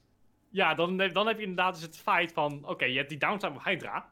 Maar als je vier Hydra's hebt, dan is die downtime. Is er geen downtime? Nee, precies. Dus, maar ja, dat, dat, dat, eh, mensen hebben het wel eens geprobeerd, maar het, is wel eh, heel. eh, Ik zou wel een match daar wel willen zien eigenlijk. Een team van vier eh Hydra De Splatlings. mensen om de beurt hit en schreeuwen zijn reloading. nou, je kan het toen 3 ook doen, dus. Je hoort die hele soundtrack dan niet eens. Je hoort alleen maar... Nee, precies. het, het is ook een dag mee hoor. Dat, Oh damn, yo. Ja, Ehm, nice, nice. Ik ben eigenlijk wel heel benieuwd naar wat jouw favoriete eh, modus is. Als het dan bijvoorbeeld gaat om Oh eh, ja, of, ja. of Dat rank vind ik wel battles leuk, ja. of, of natuurlijk gewoon eh turf war. Maar... Ja, dat was het saai antwoord. daar zijn veel meningen ook vaak over. Moet ik zeggen. Oh, jeetje. Zo. Favorieten. Ik denk dat het tussen Rainmaker en Clembis gaat. Ehm, me- Oké, zo eerst Splatstones. Waarom niet Splatstones? Splatstones is best goed. Wat je ook vaak ziet, is dat in Japan ook het vaak het meest gespeelde mode is. Eh, Oké. Deels omdat het ook echt de basis is. Het is eh, me- de meest eenvoudige mode. Het is Mhm. stilstaand objectief. En je leert er echt van, oké, wat vereist het om terug in de map te komen als je de map hebt verloren en hoe behoud je hem? Dus, eh, het, het is goed om inderdaad die basis daarmee te leren. Het, het is, het is handig, maar dat is ook het jammer. Het, het, de complexiteit stopt daar ook eerder bij, dus daarom is die mijn favoriet. Hm. Eh, en daarom ook deels dat ik voor Rainmaker en Clemis eh wat interessanter vind. Zeker Rainmaker. eh in Splatoon 2 vond ik die al erg goed. Ik denk Ja. dat niet dat iedereen mee eens is. Want Ik wel. 100%. Oh, top. Hè. Lekker. Want ik, ik hoor inderdaad vaak van mensen dat ze denken van... Oh, we zijn in het begin allemaal dood gegaan en hebben verloren daardoor. Maar zeker in Splatoon 2 met die checkpoints is dat nu eigenlijk ook voorkomen. Dat soort dingen gaan Mhm. gebeuren. En het is eigenlijk dus ook een heel interessante mode geworden. Want het interessante met Rainmaker is... Je bent inderdaad het een heel mobiel objectief. Dus Mhm. het vereist je team echt inderdaad om paraat te zijn. En je kan ook waarschijnlijk wel bij voorstellen dat er heel snel veel strategie bij in komt te kijken. Dus eh, dat is Rainmaker. En Kleinbits, dat is nog gekker. Kleinbits is waarschijnlijk de mode die de meeste mensen het minst begrijpen. Dus ik ben ook Ja, blij dat het Ik terug is. snap er helemaal niks Daar van. wordt zeker het meest op gehaat. 100%. Ja, En ook in onze community eh, zei laatst nog iemand tegen mij op stream van... Oh, ik zei van, oh, zullen we anders even Anarchy doen? Hij zo, oké, even kijken of het geen Clamblitz is, dan vind ik het goed. nee, dat soort dingen hebben we ook inderdaad ook vaak. Maar ik snap het ook best wel, want in, zeker in Anarchy is het ook het ding van... Klembits is zo gek. Mensen hebben echt allemaal zijn eigen idee van hoe je moet spelen. En als je dus in ranked gaat, dan heb je echt acht mensen met allemaal hun eigen idee van, oké, dit is hoe we dit moeten spelen. En die gooi je gewoon in één match en dan gebeuren hele leuke dingen. Uh, nou, leuk. Ook, ja. Interessante dingen. Ja, interessante dingen, laat ik het zo zeggen. maar als je een klein beetje kijkt van eh, een team waar echt mensen ook eh, samen communiceren en ook echt niet, samen een idee hebben van wat je ook wilt doen, Mhm. dan eh, is er heel veel dat er gebeurt in deze mode. En zoals ik al zei, mensen kunnen nog steeds het limiet van deze mode nog ver pushen en dat wil ik ook graag zien. Want wat, wat, wat, wat moet je doen in Clan Blitz? Eh, probeer het eens uit te leggen voor ons Clan Blitz haters of mensen die denken, die een match starten en denken van, jongens, jongens, wat is dit allemaal? Of Mink, die zegt dat het verschrikkelijk is. Ik had- ja, ik had het ook over Mink net. eh Sorry, vertel. Clamblitz. Ja, om het een beetje simpel te houden, is het is, het is twee delen. Je moet eh, in staat zijn om controle, hebben over de, om controle te hebben over de clams. En je moet controle hebben over de basket. En deze twee dingen, die moet je per map bekijken van, oké, hoe werkt dat? Want hoe je de basket beheerst, bijvoorbeeld, dat is verschillend per map. Op, op, één, op één map is bijvoorbeeld de basket makkelijk te bereiken. Op andere map is het echt in een verschrikkelijke locatie. Mhm. En dan moet je ook echt denken van, oké, wat, wat vereist het van mij om, om controle te krijgen over deze basket? Heb ik specials nodig? En welke specials leven, helpt mij om controle over dit soort gebied te krijgen? Dus je moet echt gewoon denken van, oké, eerste is, hoe krijg ik controle over de clams? Wat moet ik daarvoor doen? En hoe krijg ik contro- controle over de basket? En dan moet je dus inderdaad gewoon een beetje een globaal idee van over krijgen van hoe je dat moet ja, doen.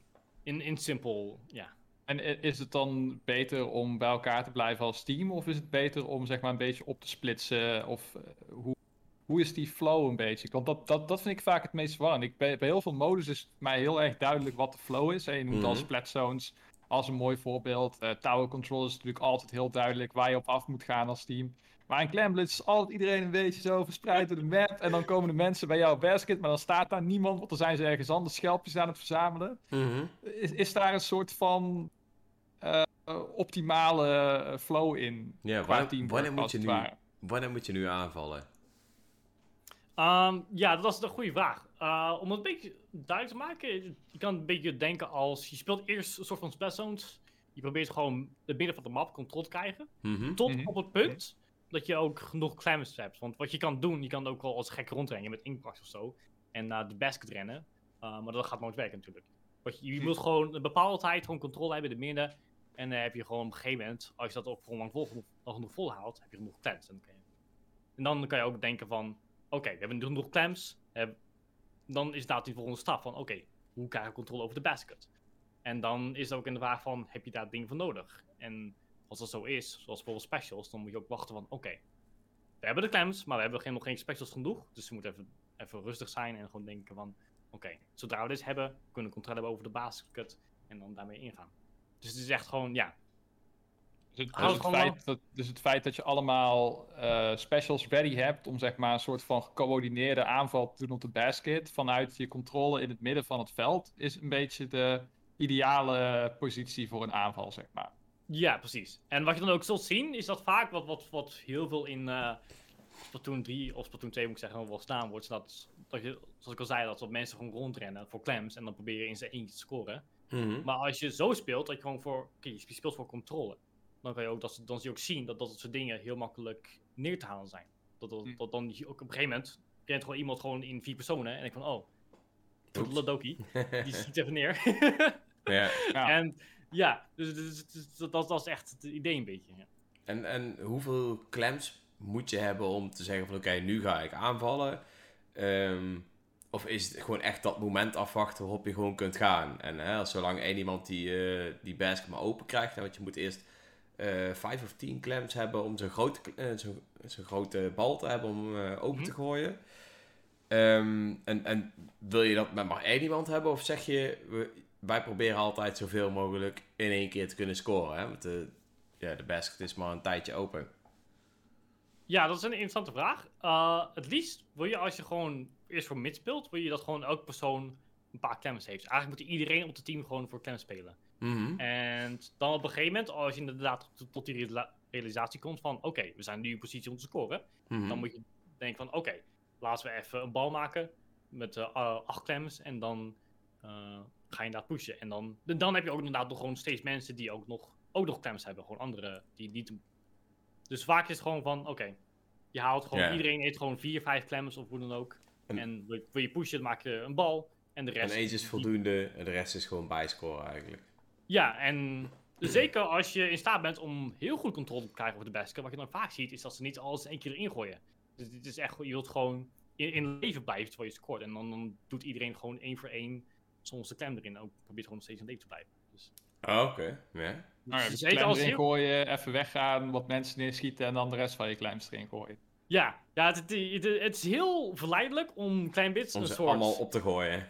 Ja, om een soort zelfmoordmissie te doen. Dat je al, oké, allemaal erin, al, allemaal dood en dan... Ja, maar dat wil je ja. eigenlijk niet. Nee, het, is echt, je wilt gewoon eigenlijk proberen in leven te blijven terwijl je dat doet. Oh, ik speel Clamblade zo verkeerd, jongen. ja, dat hoor ik nu ook, ja. ik, ik was die dude die in zijn eentje rondging en dan als eerste die bal had en dan yeah! Ja, ik probeer juist altijd mijn team te supporten, maar dan vervolgens, zodra die basket open is, dan ren ik daar als een gek naartoe om al mijn clams erin te gooien. Dan staan we daar met z'n drie op een hoopje en dan worden we vervolgens kapot geschoten. Maar Door ik één- snap het ook wel. Het is ook heel verleidelijk hoor. Want ik Ja. denk ook zelfs als ik een wedstrijd speel, dan denk ik van, oh, ik had eigenlijk niet voor die laatste klem moeten gaan. Zelfs ik heb dat nog wel eens ook wel eens hoor. Dus eh het is best begrijpelijk. Maar je wil uiteindelijk wel, eh, zodra je die, eh die schelp gooit, dan wil je eigenlijk weer teruggaan naar het midden om weer opnieuw, zeg maar, een soort van aanval op te bouwen met specials en al die zooi. Zodra die basket weer dicht gaat, dan begint eigenlijk dus het feestje weer opnieuw, begrijp ik. Ja, precies. Nou, dat is inderdaad het mooie. Inderdaad, dat is eh, goed gezien. Want als je inderdaad, stel je scoort, en op een gegeven moment realiseer je van, oh, dit, dit gaat ons niet meer lukken om te houden. We gaan gewoon terug in het midden. Dan is het opeens van, oh, we hebben nog steeds midcontrol. We kunnen gewoon inderdaad over 10 seconden of langer gewoon nog een keer spe- ingaan. Ja. Dus dat, is inderdaad het mooie als je inderdaad in leven kan blijven tijdens een push. Ja, en het is dan natuurlijk, zelfs als jij, eh, hoe heet het, als jij voorstaat met 50 punten of zo, eh, dan is het altijd beter om toch nog een keer voor die aanval te gaan met die push en alles, dan om zeg maar eh, te zeggen van oké, we gaan nu ons focussen op gewoon de hele match, de rest van de match lang time-out het midden te behouden, zodat we winnen met een puntenverschil, Ja. in plaats van met een knockout. Ja, dat, dat is inderdaad best een idee. Want je, zoals je zei, je wilt, je wilt inderdaad niet een risico nemen van... Oké, als we in pushen is natuurlijk de, de kans dat we allemaal neergehaald worden. En zelfs als je probeert voor leven te spelen, om leven, in leven te blijven, dan kan het soms ook fout gaan. Dus dat is ook het leuk van Splatoon. Al- Alles gaat altijd fout. Er gebeurt zoveel, het, het is nooit echt... eh, Ja, leer mij Turf War laatste 30 seconden kennen. ja. ja, dat, dat is ook een goed voorbeeld, ja. Oh ja. Ja, dat vind ik eh, zelf wel echt het meest verschrikkelijke aan Splatoon. Als je Turf War speelt en dan heb je twee minuten lang map control en dan de laatste 30 seconden dan breken ze er met z'n drieën doorheen en dan is jouw, en dan is jouw, er zijn twee van jouw teammembers die zijn dan net te diep behind enemy lines gegaan. Waardoor Oh, jij als iemand die soort van de baas in de gaten houdt opeens 3 versus 1 staat. En dan de volgende keer als je terugspant, dan staan ze in je span met z'n drieën te kliederen. Yep. Ja, ik heb veel va- verhalen gehoord van dat soort dingen in Turbo. Ja, dat, dat, eh, het is best bekend van. Kan, kan je dat nog voorkomen op de een of andere manier? Is er iets wat ik kan doen in mijn eentje om dat scenario zo goed mogelijk te voorkomen? Behalve zo goed zijn dat ik, dat ik eh 1v3's kan winnen, zeg maar. Want dat gaat namelijk niet gebeuren. Ja, Turbo, is ook interessant. Ehm, zoals je, hoort inderdaad vaak dat mensen zeggen dat het vaak de laatste 30 seconden het belangrijkste is. Het, is ook deels een beetje waar, maar er gebeurt eigenlijk veel meer. Want wat je eigenlijk wil doen in de eerste paar minuten is van... Eerst zorg inderdaad dat je, dat je basis goed gewerkt is. Ja. Eh, Mhm. Zeker als je ook op topniveau ziet, dat, dan zie je echt dat ze geen enkel gat ook uh, onbekliederd laten. Ehm, Maar ik hoor juist altijd dat je toch wel je redelijk je basis moet verven, maar niet precies, maar eigenlijk vooral zo snel mogelijk het midden moet veroveren. En dan vanuit eh respawns de laatste puntjes van je basis kan pakken, omdat je dan ook weer meer special krijgt en dergelijke. Dus wat ik meestal doe is ik verf zeg maar mijn basis tot ik mijn special heb en dan knal ik naar het midden toe om zeg maar die push te maken. Maar ik, ik weet niet of dat het beste is, hè, maar ik zeg het, ik gooi het nu even voor jou. Is dat een goede tactiek? Eh, deels. Het is inderdaad van. Je hoeft niet per se je basis tegelijk helemaal te, te verven, maar je wilt het wel zo snel mogelijk doen. Want het punt is in Turvar. eh Mhm. Stel je komt in die, in die laatste minuut. eh, dan heb je eigenlijk geen tijd meer om, om die basis te, te verven. Dan, dan is het echt belangrijk dat je inderdaad het midden... Dan moet je die- pushen. Ja. Ja, dus Mhm. daarom is het ook inderdaad, inderdaad, vooral in het begin is het belangrijk. Want dan heb je ook inderdaad de tijd van, oké, we hebben nog drie minuten. We hebben die mogelijke tijd om dat goed te bedekken. En eh, je wilt inderdaad wel een, een, wat eh, mensen in het midden hebben, dat je niet gewoon dat vrij laat loslopen. Uh, maar je je wilt wel dat in ieder geval één persoon dat daarmee bezig is, inderdaad. En het is dus echt gewoon... Iedere eh 0,1% telt. Dus gewoon... Er mag nog geen, geen stukje wit meer overblijven. Ja, precies. En over die 30 seconden nog. eh, wil je dat soort dingen voorkomen? Wat je dan vaak dus wil proberen, is dat je inderdaad dus in die 2 tot 1 minuut bijvoorbeeld, in het midden van de match, dan wil je echt proberen om de, de, de, de tegenstander neer te halen dat je in hun basis kan werven. Want als je dat doet, krijg je inderdaad hetzelfde probleem, van wat ik net zei, van, oh, hun, de tegenstander heeft nu jouw kleur in hun basis. En Mhm. eigenlijk willen ze daar geen tijd aan besteden meer, want ze hebben nog maar één minuut te gaan. Dus Ja. als je dat in staat bent om te doen in het midden van de match, dan wordt jouw positie in de laatste 30 seconden opeens een stuk beter. Want in Dus plaats van. Omdat zij hun basis nog moeten fixen voordat ze bij jouw basis komen. Ja, eigenlijk. en wat je dan ook vaak Ja. ziet, is dat ze dan dingen overslaan. Van, ze, ze doen het niet zo netjes meer, want ze hebben daar geen tijd voor. En dan moeten ze opeens, in plaats van 5% in de midden te halen, moeten ze nu 60 halen of zo bijvoorbeeld. Ja. Ja, Oké. Ja. Smart, smart. Het is nog steeds veel de laatste 30 seconden waar alles kan gebeuren, maar er gebeurt inderdaad nog wel meer in Turfar, dat wel. Ja. Maar het is dus eigenlijk eh, nog belangrijker dat je je basis goed verft, nog voordat je het midden eh, eigenlijk probeert te veroveren. Die- Ja, in principe wel, ja. Je moet wel inderdaad Oké. mensen hebben in het midden, de- in het begin. Niet Ja. je, ja. Niet zomaar weggeven, want als je vanuit het midden natuurlijk kunnen hun weer doorstoten en dergelijke. ja, precies. Mhm. Ja, Dus, ja. Eh, maar je moet wel in ieder geval iemand ja, hebben die wel een beetje de, de basis in het begin doet, ja. Precies. Dus er moet eigenlijk gewoon één iemand in je team zijn die gewoon een roller is. Of die echt gewoon iets heeft waarmee je goed kan painten, een aerospray of zo. En Ja, die zich daar vooral mee bezighoudt. Terwijl de andere drie gaan van, hey, we gaan het midden niet zomaar eh, weggeven. Ja, ja, nee, inderdaad. Oké. Oké. Kun je, kun je iets zeggen over, want nu, nu toch over, ja, we hadden het net even over eh, verschillende wapens die een, eh, die een rol spelen. Kan je, kan je iets zeggen over teamcompositie op, eh, op, op topniveau, zeg maar? Hoe is dat, hoe is dat gebalanceerd? Zijn er ideale soort van Matches. type wapens die ieder team moet hebben? Of kan je bij wijze van spreken ook, hè, wat jij net zei, van vier dezelfde wapens pakken en alsnog redelijk een kans maken tegen een gebalanceerd team? Oeh, ja, dat, dat is nou dus het leuke van Splatoon. Je kan echt zoveel kanten op. Ehm, het is niet zo van... eh, het, is dit, dit en dit en dit. Dit is... eh, eh, wat, wat, wat we vaak zien in, in Splatoon is dat het vaak in rollen wordt verdeeld. Alhoewel, ik wil daar niet te veel over in op gaan, want het is... bijvoorbeeld, mijn rol is bijvoorbeeld eh anchor. Dat is gewoon dat je vaak in leven probeert te blijven. Dat je veel range hebt. Maar in, in Splatoon, zoals ik al zei, er gaan altijd dingen mis. Je, je speelt nooit als één rol, dus die, die dingen Nee. veranderen ook door het spel.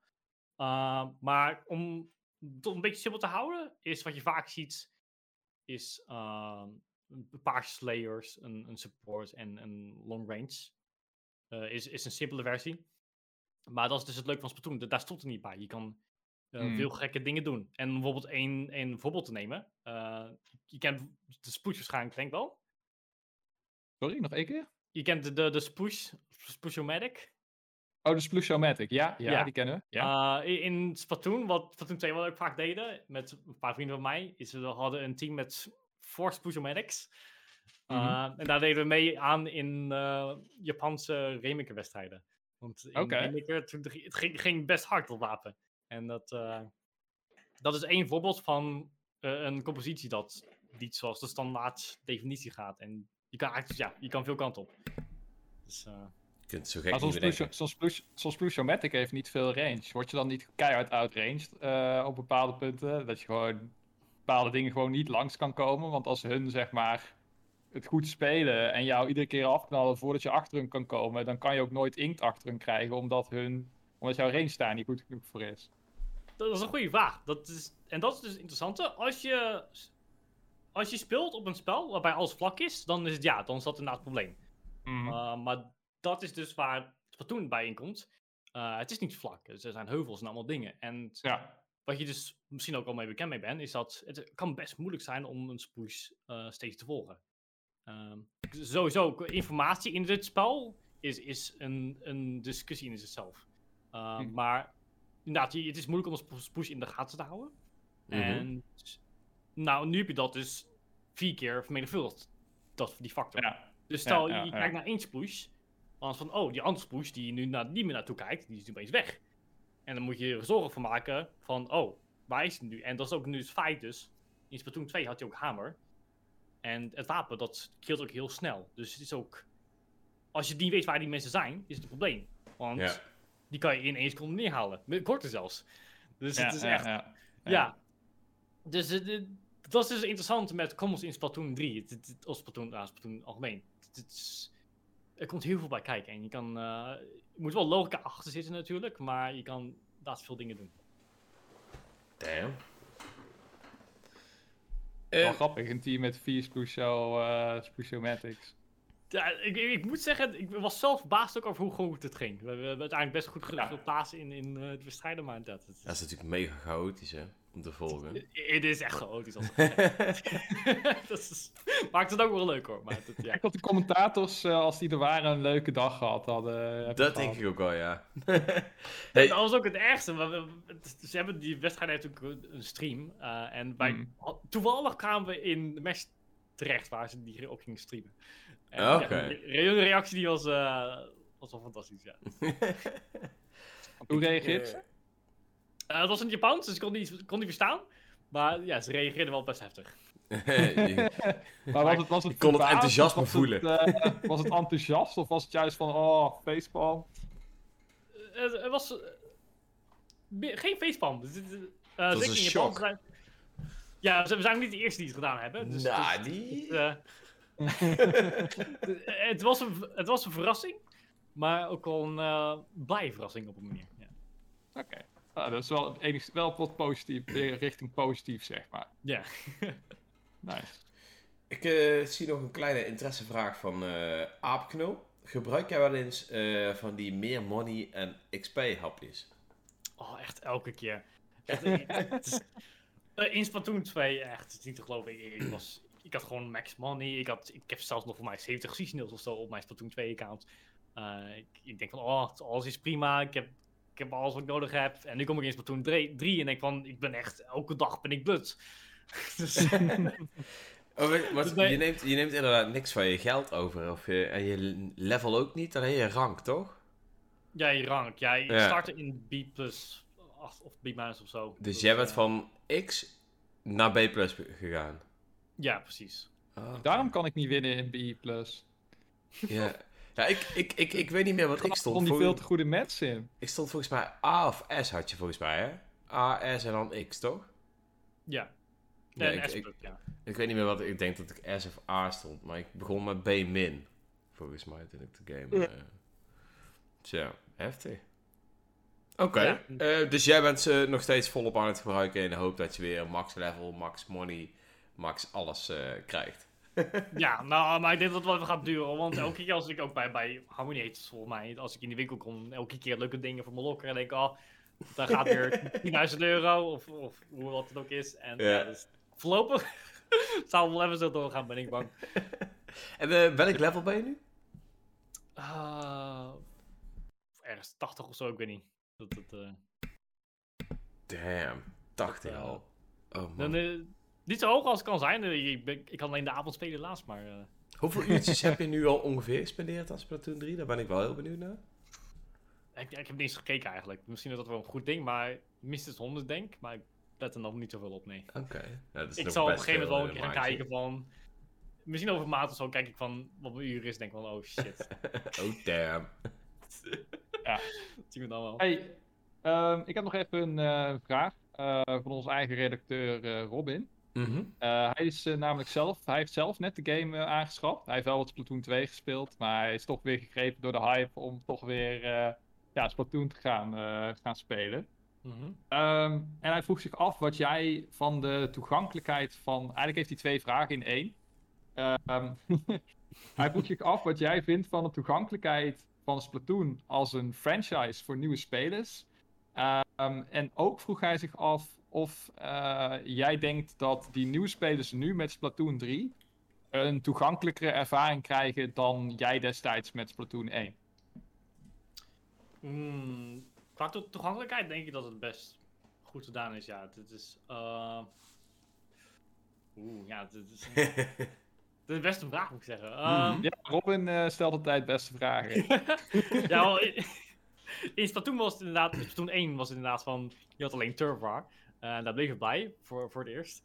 En in Splatoon mm. 3 kan je inderdaad best veel dingen doen. Uh, ik, en, ik denk, het is wel soms moeilijk om qua spelen echt te ontdekken van, oké, okay, wat is er nou precies wat er gaande is in deze wedstrijden. Mm. Uh, wel, alhoewel moet ik daar wel bij zeggen, wat ik wel echt tof vind, is, is de, de replay um, systeem dat ze hebben ingevoegd. Mm -hmm. Want dat, dat, denk dat dat ook van, denk, van nieuwe spelers ook ik veel gaat helpen. Van, dat, ze, dat je gewoon terug kan kijken van, oké, ik, ik, ik, ik speelde deze ronde niet goed bijvoorbeeld, maar ik kan het gewoon terugzien. En, en ik denk dat dat ook wel een, uh, handig is voor nieuwe spelers. Want het lastige is inderdaad gewoon feedback krijgen van, oké, okay, deze, deze, deze match ging niet zo goed, maar waarom ging het niet zo goed? Dat is inderdaad de belangrijke vraag. En, um... Lag het nou aan iedereen behalve mij? ja, nee, ik snap wat je bedoelt. Ja. Maar op het algemeen zou je wel zeggen dat het een redelijk toegankelijke game is voor, uh, voor nieuwe spelers. Ja, ja, sowieso. Inderdaad, het, het is, uh, zeker ook met de ranking system inderdaad. Het is, geen, geen reden om bang te zijn. Het, het, belangrijkste is gewoon dat je gewoon inderdaad gewoon plezier kan hebben in het spel. En dat je ook gewoon, als je een keer verliest, van oh, dat soort dingen gaan gebeuren. Ik, ik heb ook duizend keer verloren dat ik... En ik verlies nog steeds op, op dat niveau. Dat, dat, dat, het, is, het is niet altijd winnen natuurlijk. Uh, ja. En als je daarmee kan leven, dat, dat, dat, dat is gewoon een leuk spel. En dan, dan kom je er wel. Dus ja. Ja. Nee, want dat, is, uh, dat vind ik een mooie om uh, even door te gaan naar uh, de, de, volgende vraag. Um, want als jij, als je zelf Splatoon speelt en je vindt het leuk en je denkt van oké, ik wil echt die volgende stap maken naar competitief niveau beter worden. Dit, ja, echt op hoog niveau Splatoon gaan, gaan spelen. Heb jij dan nog tips voor uh, spelers die dat, ja, die dat ambiëren? Die denken van, oh, dat lijkt me ook wel vet om een keer naar, naar Evo te gaan of op First Look te staan bij het Nederlandse Splatoon team. Welke, misschien welke principes of welke concepten um, zou je dan aan mensen mee willen geven van oké, de, deze dingen moet je echt, echt weten en hier moet je echt op letten om op hoog niveau Splatoon te kunnen spelen? Hmm, ja, best een aantal dingen die we opkomen. Uh, als ik één moet beginnen, uh, zou ik zeggen van uh, wat je vaak in topniveau ziet. Ehm, dus dat mensen ook denken van oh, dit en dit en dit is niet goed gegaan in wedstrijden. hier moeten we aan werken. en het is nu makkelijk om te denken van oké, okay, dat, moet dat moeten we goed als nieuwe speler moet je daarop gaan letten. Maar zeker als nieuwe speler, dan raad ik ook juist aan. Let goed op wat je goed doet. Dus het is niet mhm. als je steeds gaat bij. Als je naar jezelf kijkt en op, de, op de dingen let waarvan je niet goed gaan. Dan ga je ook steeds slechter voelen. Dat is ook niet, dat is niet, dat is niet handig. Je wilt ook, zeker als nieuwe speler wil je gewoon kijken bij jezelf van... Oké, wat zijn nou juist mijn sterke punten? Mhm. Dat is ook het ding in, in Splatoon. Uh, alleen op topniveau zullen dingen zoals wapen je pikt of, of uh, dat soort dingen echt een verschil maken. Als je nog best nieuw bent in competitief en je moet gewoon een begin maken, dan is het gewoon belangrijk van, oké, wat is mijn sterkste punt? Wat is mijn favoriete wapen? En probeer daar eens gewoon eerst mee verder te komen en kijken hoe, hoe dat gaat. Uh, en dan door de jaren heen, inderdaad, als je dan na steeds beter wordt, moet je ook gaan denken van, oké, uh, wat, zijn nu betere opties als wapens? Maar zeker in het begin is dat echt gewoon belangrijk van, kijk gewoon goed naar jezelf. Wie ben ik als speler? Wat zijn mijn sterke punten? En gebruik dus je zou eigenlijk uh, zeggen van het maakt eigenlijk niet uit welk wapen je pakt. Je kunt met elk wapen wel gewoon ja, gewoon leren en winst uh, binnenhalen, je team ondersteunen, dat soort zaken. Het is niet zo van, oh, uh, niemand speelt de, de undercover Brella, want dat is echt zelfmoord. precies. Nee, ik wil zeggen, als je in staat bent om verschillende wapens te spelen en je denkt van, oh, misschien is dit wapen beter hier, dan uiteraard ga ervoor. Maar dat is het ding in Splatoon er gebeuren zoveel dingen in het spel. En eh, er zijn zoveel dingen waar je van kan leren. Het, is, je wapen maakt daar een heel klein verschil in, in het begin. Uiteindelijk, mhm. zeker ja, later in topniveau wordt het belangrijk om daarover na te gaan denken. Mhm. Maar in het begin, dat valt al best mee inderdaad, dat, dat zul je zien. En ehm, hoe belangrijk eh, zijn die abilities die je op je gear hebt, zeg maar? Want daar zit ik zelf nog wel eens mee te denken. Ik unlock van alles. Het is heel veel. Het zijn heel veel logos, heel veel icoontjes. Je moet iedere keer op ZL, ZL drukken om te lezen wat het überhaupt doet. En dan snap ik het nog steeds niet helemaal. Bijvoorbeeld, ja, maakt special sterker. Oké, maar hoe dan sterker? Uh, krijgt hij meer schade? Krijg ik hem sneller? Weet je wel, dat soort dingen. Uh, hoe belangrijk zijn die, is je uitrusting? Hoe belangrijk is het om fresh te zijn als je competitief mee wil komen? deels moet ik zeggen. Het, is meer gewoon eigenlijk gewoon een soort huiswerk. Je wilt eigenlijk gewoon op een gegeven moment wil je gewoon het wel doen. Het is wel je gewoon, je wilt er gewoon wel tijd aan besteden om een goed beeld te maken. Dat, dat, dat is wel zo, ja. En, en in percentage, wat maakt het verschil? Even heel makkelijk gezegd. Of zijn er bepaalde sub-abilities waarvan je zegt, die moet je hebben, want daarin merk je echt verschil? Of uh, zijn ze allemaal hetzelfde, dan is het gewoon letterlijk gewoon, het is als je hem helemaal vol hebt, uh, eh, 10% of 5% verschil? Of... Er zal vast wel iemand zijn die daar heeft uitgezocht, toch? Mm, nou, er zijn niet heel veel universele abilities, want het hangt inderdaad ook per wapen af. Um, maar bijvoorbeeld dingen die je vaak ziet, is bijvoorbeeld uh, uh, swim speed of, maar, of intensify action is ook best interessant. Maar inderdaad, het hangt, hangt er vanaf. Want intensify action, dat bijvoorbeeld op blaster, dan is je RNG minder daardoor. Mm Maar je wilt dat niet op charter nemen bijvoorbeeld, of stijf bedoel ik. Want die heeft geen RNG, want dat, dat doet dan niet zoveel. Uh, dus dank per wapen af, moet ik zeggen. Dat is, dat is uh... Maar je wilt daar inderdaad wel echt een keer tijd aan besteden. Het is handig om... Je wilt het gewoon een keer gedaan hebben op een gegeven moment, ja. Ik wat, wat, ik eigenlijk hoor, wat ik eigenlijk hoor is, Splatoon is dus niet echt een game uh, waarbij mensen uh, sets gaan kopiëren online van het internet. Van oh, hier spelen de stopspelers mee. Dus ik ga ook uh, Explosion met Swim Speed Up en die special spelen, want dan, dan win ik vaker. Of dan word ik een beetje gecarried door mijn, door mijn gear en mijn, en mijn wapen en mijn setup. Nou, je ziet wel dat mensen dat vaak wel kopiëren, dat wel. maar het is wel zo, als je bij wapens kijkt, er is al een logica achter welke abilities je nodig hebt. Ja, ja, ja tuurlijk. Als, als er inderdaad, zoals je bijvoorbeeld straks al zei, van volgens mij was het tower control en dat je dan die bazookas hebt, of nee, weet je, die, die missiles. En dat je dan hmm. wil dat je die zo vaak mogelijk kunt doen. Dan wil je natuurlijk dat jouw uh, specials zo vlug mogelijk oplaat. Uh, met uh, ja, ability chunks bijvoorbeeld. Ja, ja, ja of, of, of swim speed up voor, voor, noem maar iets, voor de dualies of zoiets. Waar je, waar je vlug mee wilt zijn. Ja. ja. ninja Squid voor melee klassen, zoals Rollers of Inbrush. En ik moet trouwens wel zeggen, één ding. Voor als mensen die echt zichzelf willen pushen in het spel. Wat ik wel mhm. aanraad. Dat is ook mm vaak een discussie op zichzelf. Is uh, leer motion controls. Ja, ja, ja, dat is, dat is een, een, ding. Dat hebben we toevallig de vorige keer volgens mij tijdens onze podcast al gezegd. Maar iedereen, maar dan ook iedereen die goed was in Splatoon. Zei tegen mij, Dreon, ga motion controls gebruiken. Want ik heb ook uh, Splatoon 1 niet met motion controls gespeeld. Omdat ik ook heel eigenwijs was. En bij deel 2 heeft, uh, heeft iemand van tevoren tegen mij gezegd van... Dreon, speel alsjeblieft die single player gewoon helemaal uit met motion controls. dan kun je het voordat je gaat beginnen aan de multiplayer. Dan irriteer je er ook niet aan. Just do it. En dat heb ik gedaan en sindsdien wilde ik ook niet meer terug. Maar dat is wel echt de gouden tip die iedereen geeft. Ja, dat, dat is ook goed om te horen. Dat, dat, uh, goed advies. Uh, het, het, voelt inderdaad verschrikkelijk voor het eerste moment als je dat doet. Want ja. je, je, speelt waarschijnlijk slechter dan dat je eigenlijk voorheen deed. Maar als je het gewoon volhoudt, dan word je gewoon later gewoon beter dan dat je eigenlijk ooit was. Um, en heb ik nog even gevraagd, gebruik je jouw motion controls eigenlijk helemaal? Dus verticaal en horizontaal? Of gebruik je hem voornamelijk voor uh, verticaal? Of misschien zelfs horizontaal? Nee, inderdaad horizontaal en verticaal. Wat, wat, ik vaak, wat je dus vaak ziet, in, in zeker topniveau, is dat uh, je, gebruikt de sticks. Mm stel je, je, je, naar iemand, je gaat naar iemand toe die wilt vechten. Mhm. Dan gebruik je de stick om in die richting te, te plaatsen. Bijvoorbeeld naar links of naar rechts. Mhm. En zodra het gevecht begint, dan is het echt motion controls. Dan, uh, dan kan er alles gebeuren en dan, dan is het echt. Dan, dan gebruik je die. Dus Oké, maar, maar, jij gebruikt dus ook wel echt voor horizontaal ook wel echt je motion controls. Uh. Want dat is vaak waar heel veel mensen wel verschil maken. Die gebruiken hem voornamelijk voor uh, alleen maar verticaal bijvoorbeeld. Ja, ik, ik moet zeggen, ik heb er wel zelf wat voordeel in. Ik, ik speel zelf ook drums. En ik denk dat zeker mijn uh, gewrichtige goed bewegen, dat, dat, dat, wel goed, dat die, die oefeningen daar ook mee geholpen hebben.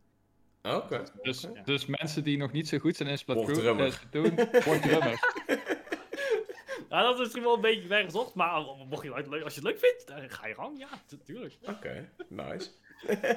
Want het is inderdaad, ja, het is echt, het is vooral gewicht, gewichtbewegingen inderdaad met die motion controls. Dus ja, dat, dat, kun, je, kun je ook liedjes uit uh, Splatoon drummen? Ik heb er ooit één gedaan, maar dat is tijd geleden.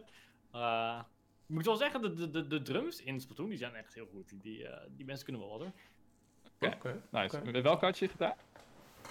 Oef, uh, ik was, voor mij heet het Sucker Punch of zo. Dat was, dat was een lied uit Splatoon 1, dacht ik. Dat is inderdaad okay. een tijd geleden inderdaad. Oké. Okay. Uh, ja. um, hoe sensitief staat je motion controls? Uh, dit klinkt misschien best laag voor sommige mensen. Een 0-0. Oké. Okay. Is dat wat de game standaard doet? Of was dat min 1, min 1? Plus 1 plus 1. Iets voor mij lager. Maar ik, ik startte in Splatoon op volgens mij min 2 en 0. Uh, mm -hmm. Ik heb Mhm. het door het jaar iets verhoogd. Uh, want wat je vaak inderdaad ziet is dat mensen op plus 5 plus 5 spelen in, in topniveau. Mhm. Ja. Holy Dat- shit. Wat? Uh, Ja, dat is wel echt waar, ja. ja. Dat, oh my god, dat is echt verschrikkelijk. Uh, maar voor mij is het altijd laag gebleven en dat is inderdaad voor, voor twee redenen. Uh, deels omdat ik eerst, ik speelde eerst snipers, dus ik moet het goed stabiel houden. Uh, maar later, later speelde ik ook dingen zoals bijvoorbeeld sploosh en dan moet ik nog goed kunnen bewegen. Maar ik, ik merkte al best snel van, oké, ik, ik, ben, ik ben best uh, vloeibaar in, in mijn uh, handen bewegen, dus ik heb daar geen Hmm, problemen mee. Smooth. ja, ja, precies eigenlijk. Oké. Dus ja, Maar, voel je, maar, maar is het dan, eh, voel jij alsof jij, omdat jij eh, niet zoals de andere pro's, zeg maar, eh, die, je zegt al, die spelen vaak met plus 5, plus 5. ehm, is dat dan een nadeel dat jij dan met mindere sensitivity speelt, of valt dat wel mee? Nee, nee, het is eigenlijk nooit een nadeel geweest. En het, het was ook een. Het is echt iets wat ik gewoon merkte van. Toen ik gevecht aan ging. Van. Heb ik hier last van? Nee, het, het gaat gewoon prima. En je ziet, het is eigenlijk altijd een trend geweest. In, je ziet ook nu een andere trend in, in eh, de topniveau. Dat sommige mensen ook nu lager gaan. Het is heel raar. Het gaat soms alle kanten op. Maar Ja, want blijkbaar maakt het niet zo heel veel uit. Want je zou denken van sneller, eh, sneller eh, re- reageren is, sneller kunnen richten is, sneller kunnen schieten is voordeel in eh 1v1's. Ja, het is inderdaad, inderdaad een soort balans. Al- Als je het kan, dan moet je inderdaad voor hogere sensitivity gaan, dat je snel kan bewegen. Maar als je inderdaad goed in staat bent om, om snel je hand te bewegen, dan, dan is lager beter, want dan kan je meer precisie hebben. Dus het is een soort balans tussen hoe snel ben je en hoe flexibel ben je eigenlijk. Ja. Ja, Oké. nee, top. Oké. top. Ehm, dan was ik nog even benieuwd, want dan gaan we het een klein beetje afronden. Gaan we door naar het laatste onderwerp van de avond. Eh, de Nederlandse Splatoon scene. Ja. Ik hoor nooit wat van jullie. Hoe kan dat? We hebben zelfs heel veel moeite moeten doen om iemand te vinden van de Splatoon scene. Ja, nee, dat, dat snap ik ook zeg wel. Want I mean, ik zei het eerder ook al, als je naar, naar Frankrijk of Duitsland kijkt, die landen zijn echt Mhm. groot. Die hebben gewoon wedstrijden met 20, 30 Franse teams helemaal. Uh, en ons kleine landje, dat is, die, die, die, die komt dan niet zo dichtbij. Maar ehm, ja, het is, het is degelijk wel een Splatoon, Nederlandse Splatoon community. Ehm, en zeker- waar, waar zit die? uh, daar Splatoon over het algemeen zit vooral op Twitter en Discord. Zeker Discord. Oké, oké. Ehm, ik gebruik eigenlijk nooit Twitter. eh, tot Splatoon.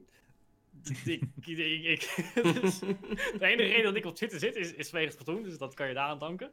Oké. Ehm, maar ik moet zeggen, ja, in Splatoon 2 in het begin. eh, zeker toen had je best wel Nederlandse teams, moet ik zeggen. Bijvoorbeeld, een goed voorbeeld daarvan is Skidsters. Als ik eens eentje die me opkomt. Ehm, Mhm. die hebben ook op Lens gespeeld. Die waren ook best goed, moet ik zeggen trouwens. Maar er waren wel degelijk teams. Maar wat je ook bijvoorbeeld vaak zag. Ehm Splatoon 2, die, die, die duurde inderdaad vijf jaar. Eh, Mhm. En niet iedereen die, die is zo gek van het spel om vijf jaar lang eh competitie te gaan spelen. Dus zeker in de Mhm. laatste Ja. jaren, eh, Ja. zeker het laatste jaar, hadden sommige mensen van oké, even een break nemen. Eh, dus het is, is zeker, inderdaad, als je nu kijkt, is het wat rustig. Maar nu Splatoon 3 uit is, dan verwacht ik ook wel dat de Nederlandse community echt wel natuurlijk steeds groter wordt, inderdaad. En we merken dan ook dat je veel nieuwe leden erbij krijgt op Discord? Of eh hoe moet ik Nee. dat zien? Ja, je- wat, ik, ik, vaak kijk ik zelf inderdaad naar welke mensen actief zijn in wedstrijden. ik, ben daar vaak mee bezig. En dan zie ik Mhm. naast ons mensen terugkomen. Ik zie inderdaad nu ook, nu ook gewoon eh, Nederlandse spelers die actief waren in Splatoon 2 ook terugkomen in Splatoon 3. Dat is ook gaaf om te zien. Dat dan denk ik van, oh hey, die ken ik. Oké, en nou ben ik eigenlijk wel heel benieuwd. Want is dat gewoon één Discord-server waar iedereen in zit? Of is dat gewoon allemaal eigen communities die dan uiteindelijk weer ergens bij een Discord komen waar ze dan een wedstrijd organiseren en dan daarvoor inschrijven of zo? Hoe moet ik me dat een beetje voorstellen? Ik, ik heb het echt jaren geleden met Splatoon 2 gedaan en toen zat ik eigenlijk gewoon bij een groepje mensen waarvan één dude eigenlijk de wedstrijden regelde en die ging in allemaal Discord, zeg maar, echt om om de wedstrijd te regelen. Maar wij zaten niet in die Discord. Is dat ook een beetje hoe dit gaat? Of is het gewoon één grote Discord community? Ja, het is eigenlijk een beetje zoals je zei. Het is vaak inderdaad uh, eigen groepjes met mhm. servers. En dan hmm. als je naar, echt naar de grote events kijkt, uh, dan zijn er inderdaad... Ja, iedereen komt samen bij een bepaalde Discord server om, om wedstrijd te spelen. En dat, dat, is ook wel een goed handig ding. Stel je wilt uh, competitief gaan spelen, uh, waarschijnlijk als je gewoon comp competitive Splatoon op Google intypt of zo, dan kom je heel snel terecht bij servers die speciaal zijn gemaakt om uh, mensen de weg te wijzen in competitief. En welke servers belangrijk zijn en dat soort dingen. En die, die zijn er dus degelijk ook wel inderdaad. Mm -hmm. dus, um, dus, ja, en daar, zijn, daar, komen, daar komen mensen dus echt samen. Maar je ziet wel dat vaak mensen inderdaad ja, in groepen wel samen praten. Ja, wat het is, is, maar is het dan ook wel echt zo dat je dus een Discord hebt waar je samenkomt en dus ook echt mensen leert kennen die Splatoon spelen en groepjes op kan stellen? Of is dat echt iets wat zeg maar meer daarbuiten gebeurt en je komt daar samen om de competitie te spelen? Even voor mijn beeldvorming. Uh. Nee, die, die zijn, er zijn inderdaad speciaal uh, servers uh, gemaakt voor teams maken. Ik moet zeggen, er is zelfs een organisatie uit mijn hoofd, Inkling Performance Labs. ja. Ze houden regelmatig wedstrijden echt speciaal georganiseerd voor nieuwe mensen. Oh, oké. Dus ik moet zeggen, die mensen die zijn echt zo goed bezig. Die maken... Dat is wat dedication. ik, ik wil bijna zeggen, de, de, voor een nieuwe speler ben je beter af als, als topspeler. Het is echt goed om te zien, want ze zijn... Ze, ze zijn echt inderdaad wedstrijden gewoon speciaal gemaakt voor dat soort mensen. En dat je ook gewoon teams maakt bijvoorbeeld. En dat ze daar ook voor zorgen. Oké. Ja. Dus, maar dat, is dan wel weer, denk ik, meer op internationaal. Uh, van het maakt niet uit welk land je komt, we spreken allemaal Engels. Ja. Zoiets. Ja, ja. oké. oké. Nee, wat, uh, het ding is, kijk, als ik het een beetje vergelijk met. Uh, ik maak dan altijd een vergelijking met Smash Bros. omdat ik daar zelf ook natuurlijk uit kom. En ja, wij hebben een Nederlandse Discord waar eigenlijk iedereen zich aanmeldt of terechtkomt via een toernooi. We hebben een toernooi site waarop je zeg maar toernooien kan kijken of er een toernooi bij je is in de buurt. En die ook doorverwijzen naar één Discord, waar dus eigenlijk iedereen van de Nederlandse Smash community wel uh, op zit. Mhm. Eh, en er worden heel vaak locals georganiseerd. En dat kan dan in uh, Tilburg zijn, maar het kan ook in Rotterdam zijn. Vaak worden ja, iedere maand wel een paar, paar georganiseerd. Hoe, hoe, zou je dat vergelijken met de, de Nederlandse Splatoon community? Doen jullie bijvoorbeeld ook wel eens zelf vanuit de community eh, eh, offline events organiseren in Nederland. Waar je dan met z'n allen een avondje samenkomt of zo om land te spelen of te trainen of als team te oefenen. Hoe uh, gebeurt dat wel eens? Um, in zekere zin denk ik ja, maar wel een stuk kleiner. Ik, ik, ik ken een organisatie die dat uh, wel eens ehm, offline dingen organiseert, maar het is wel een stuk kleiner. Ik, mm dus zeker zelf, ik, ik ben ook uh, zelf meer internationaal bezig. Dat, uh, ja. Um, maar het, ja, je ziet wel dat het uh, deels door Splatoon 2 dat het nog best verminderd is. Dat mensen ja. toen een beetje gingen nemen. Dus ja. ik, ik denk, doordat nu Splatoon 3 weer uit is, dat je denkt door de maanden heen, denk ik wel zullen zien dat dat soort dingen wel echt gaan komen, ja. Zou jij het zelf niet tof vinden om zoiets uh, te organiseren? nou, ik weet dat mijn organisatieskills heel goed zijn. Dus ik, ik, uh, ik, ik, weet hoe ik uh, toe moet spelen, maar om zoiets te organiseren. Ik ben best onder de indruk als ik dat mensen dat, dat soort dingen zie doen. Ik ben daar vaak naar die, vaak naar die events geweest. Mm -hmm.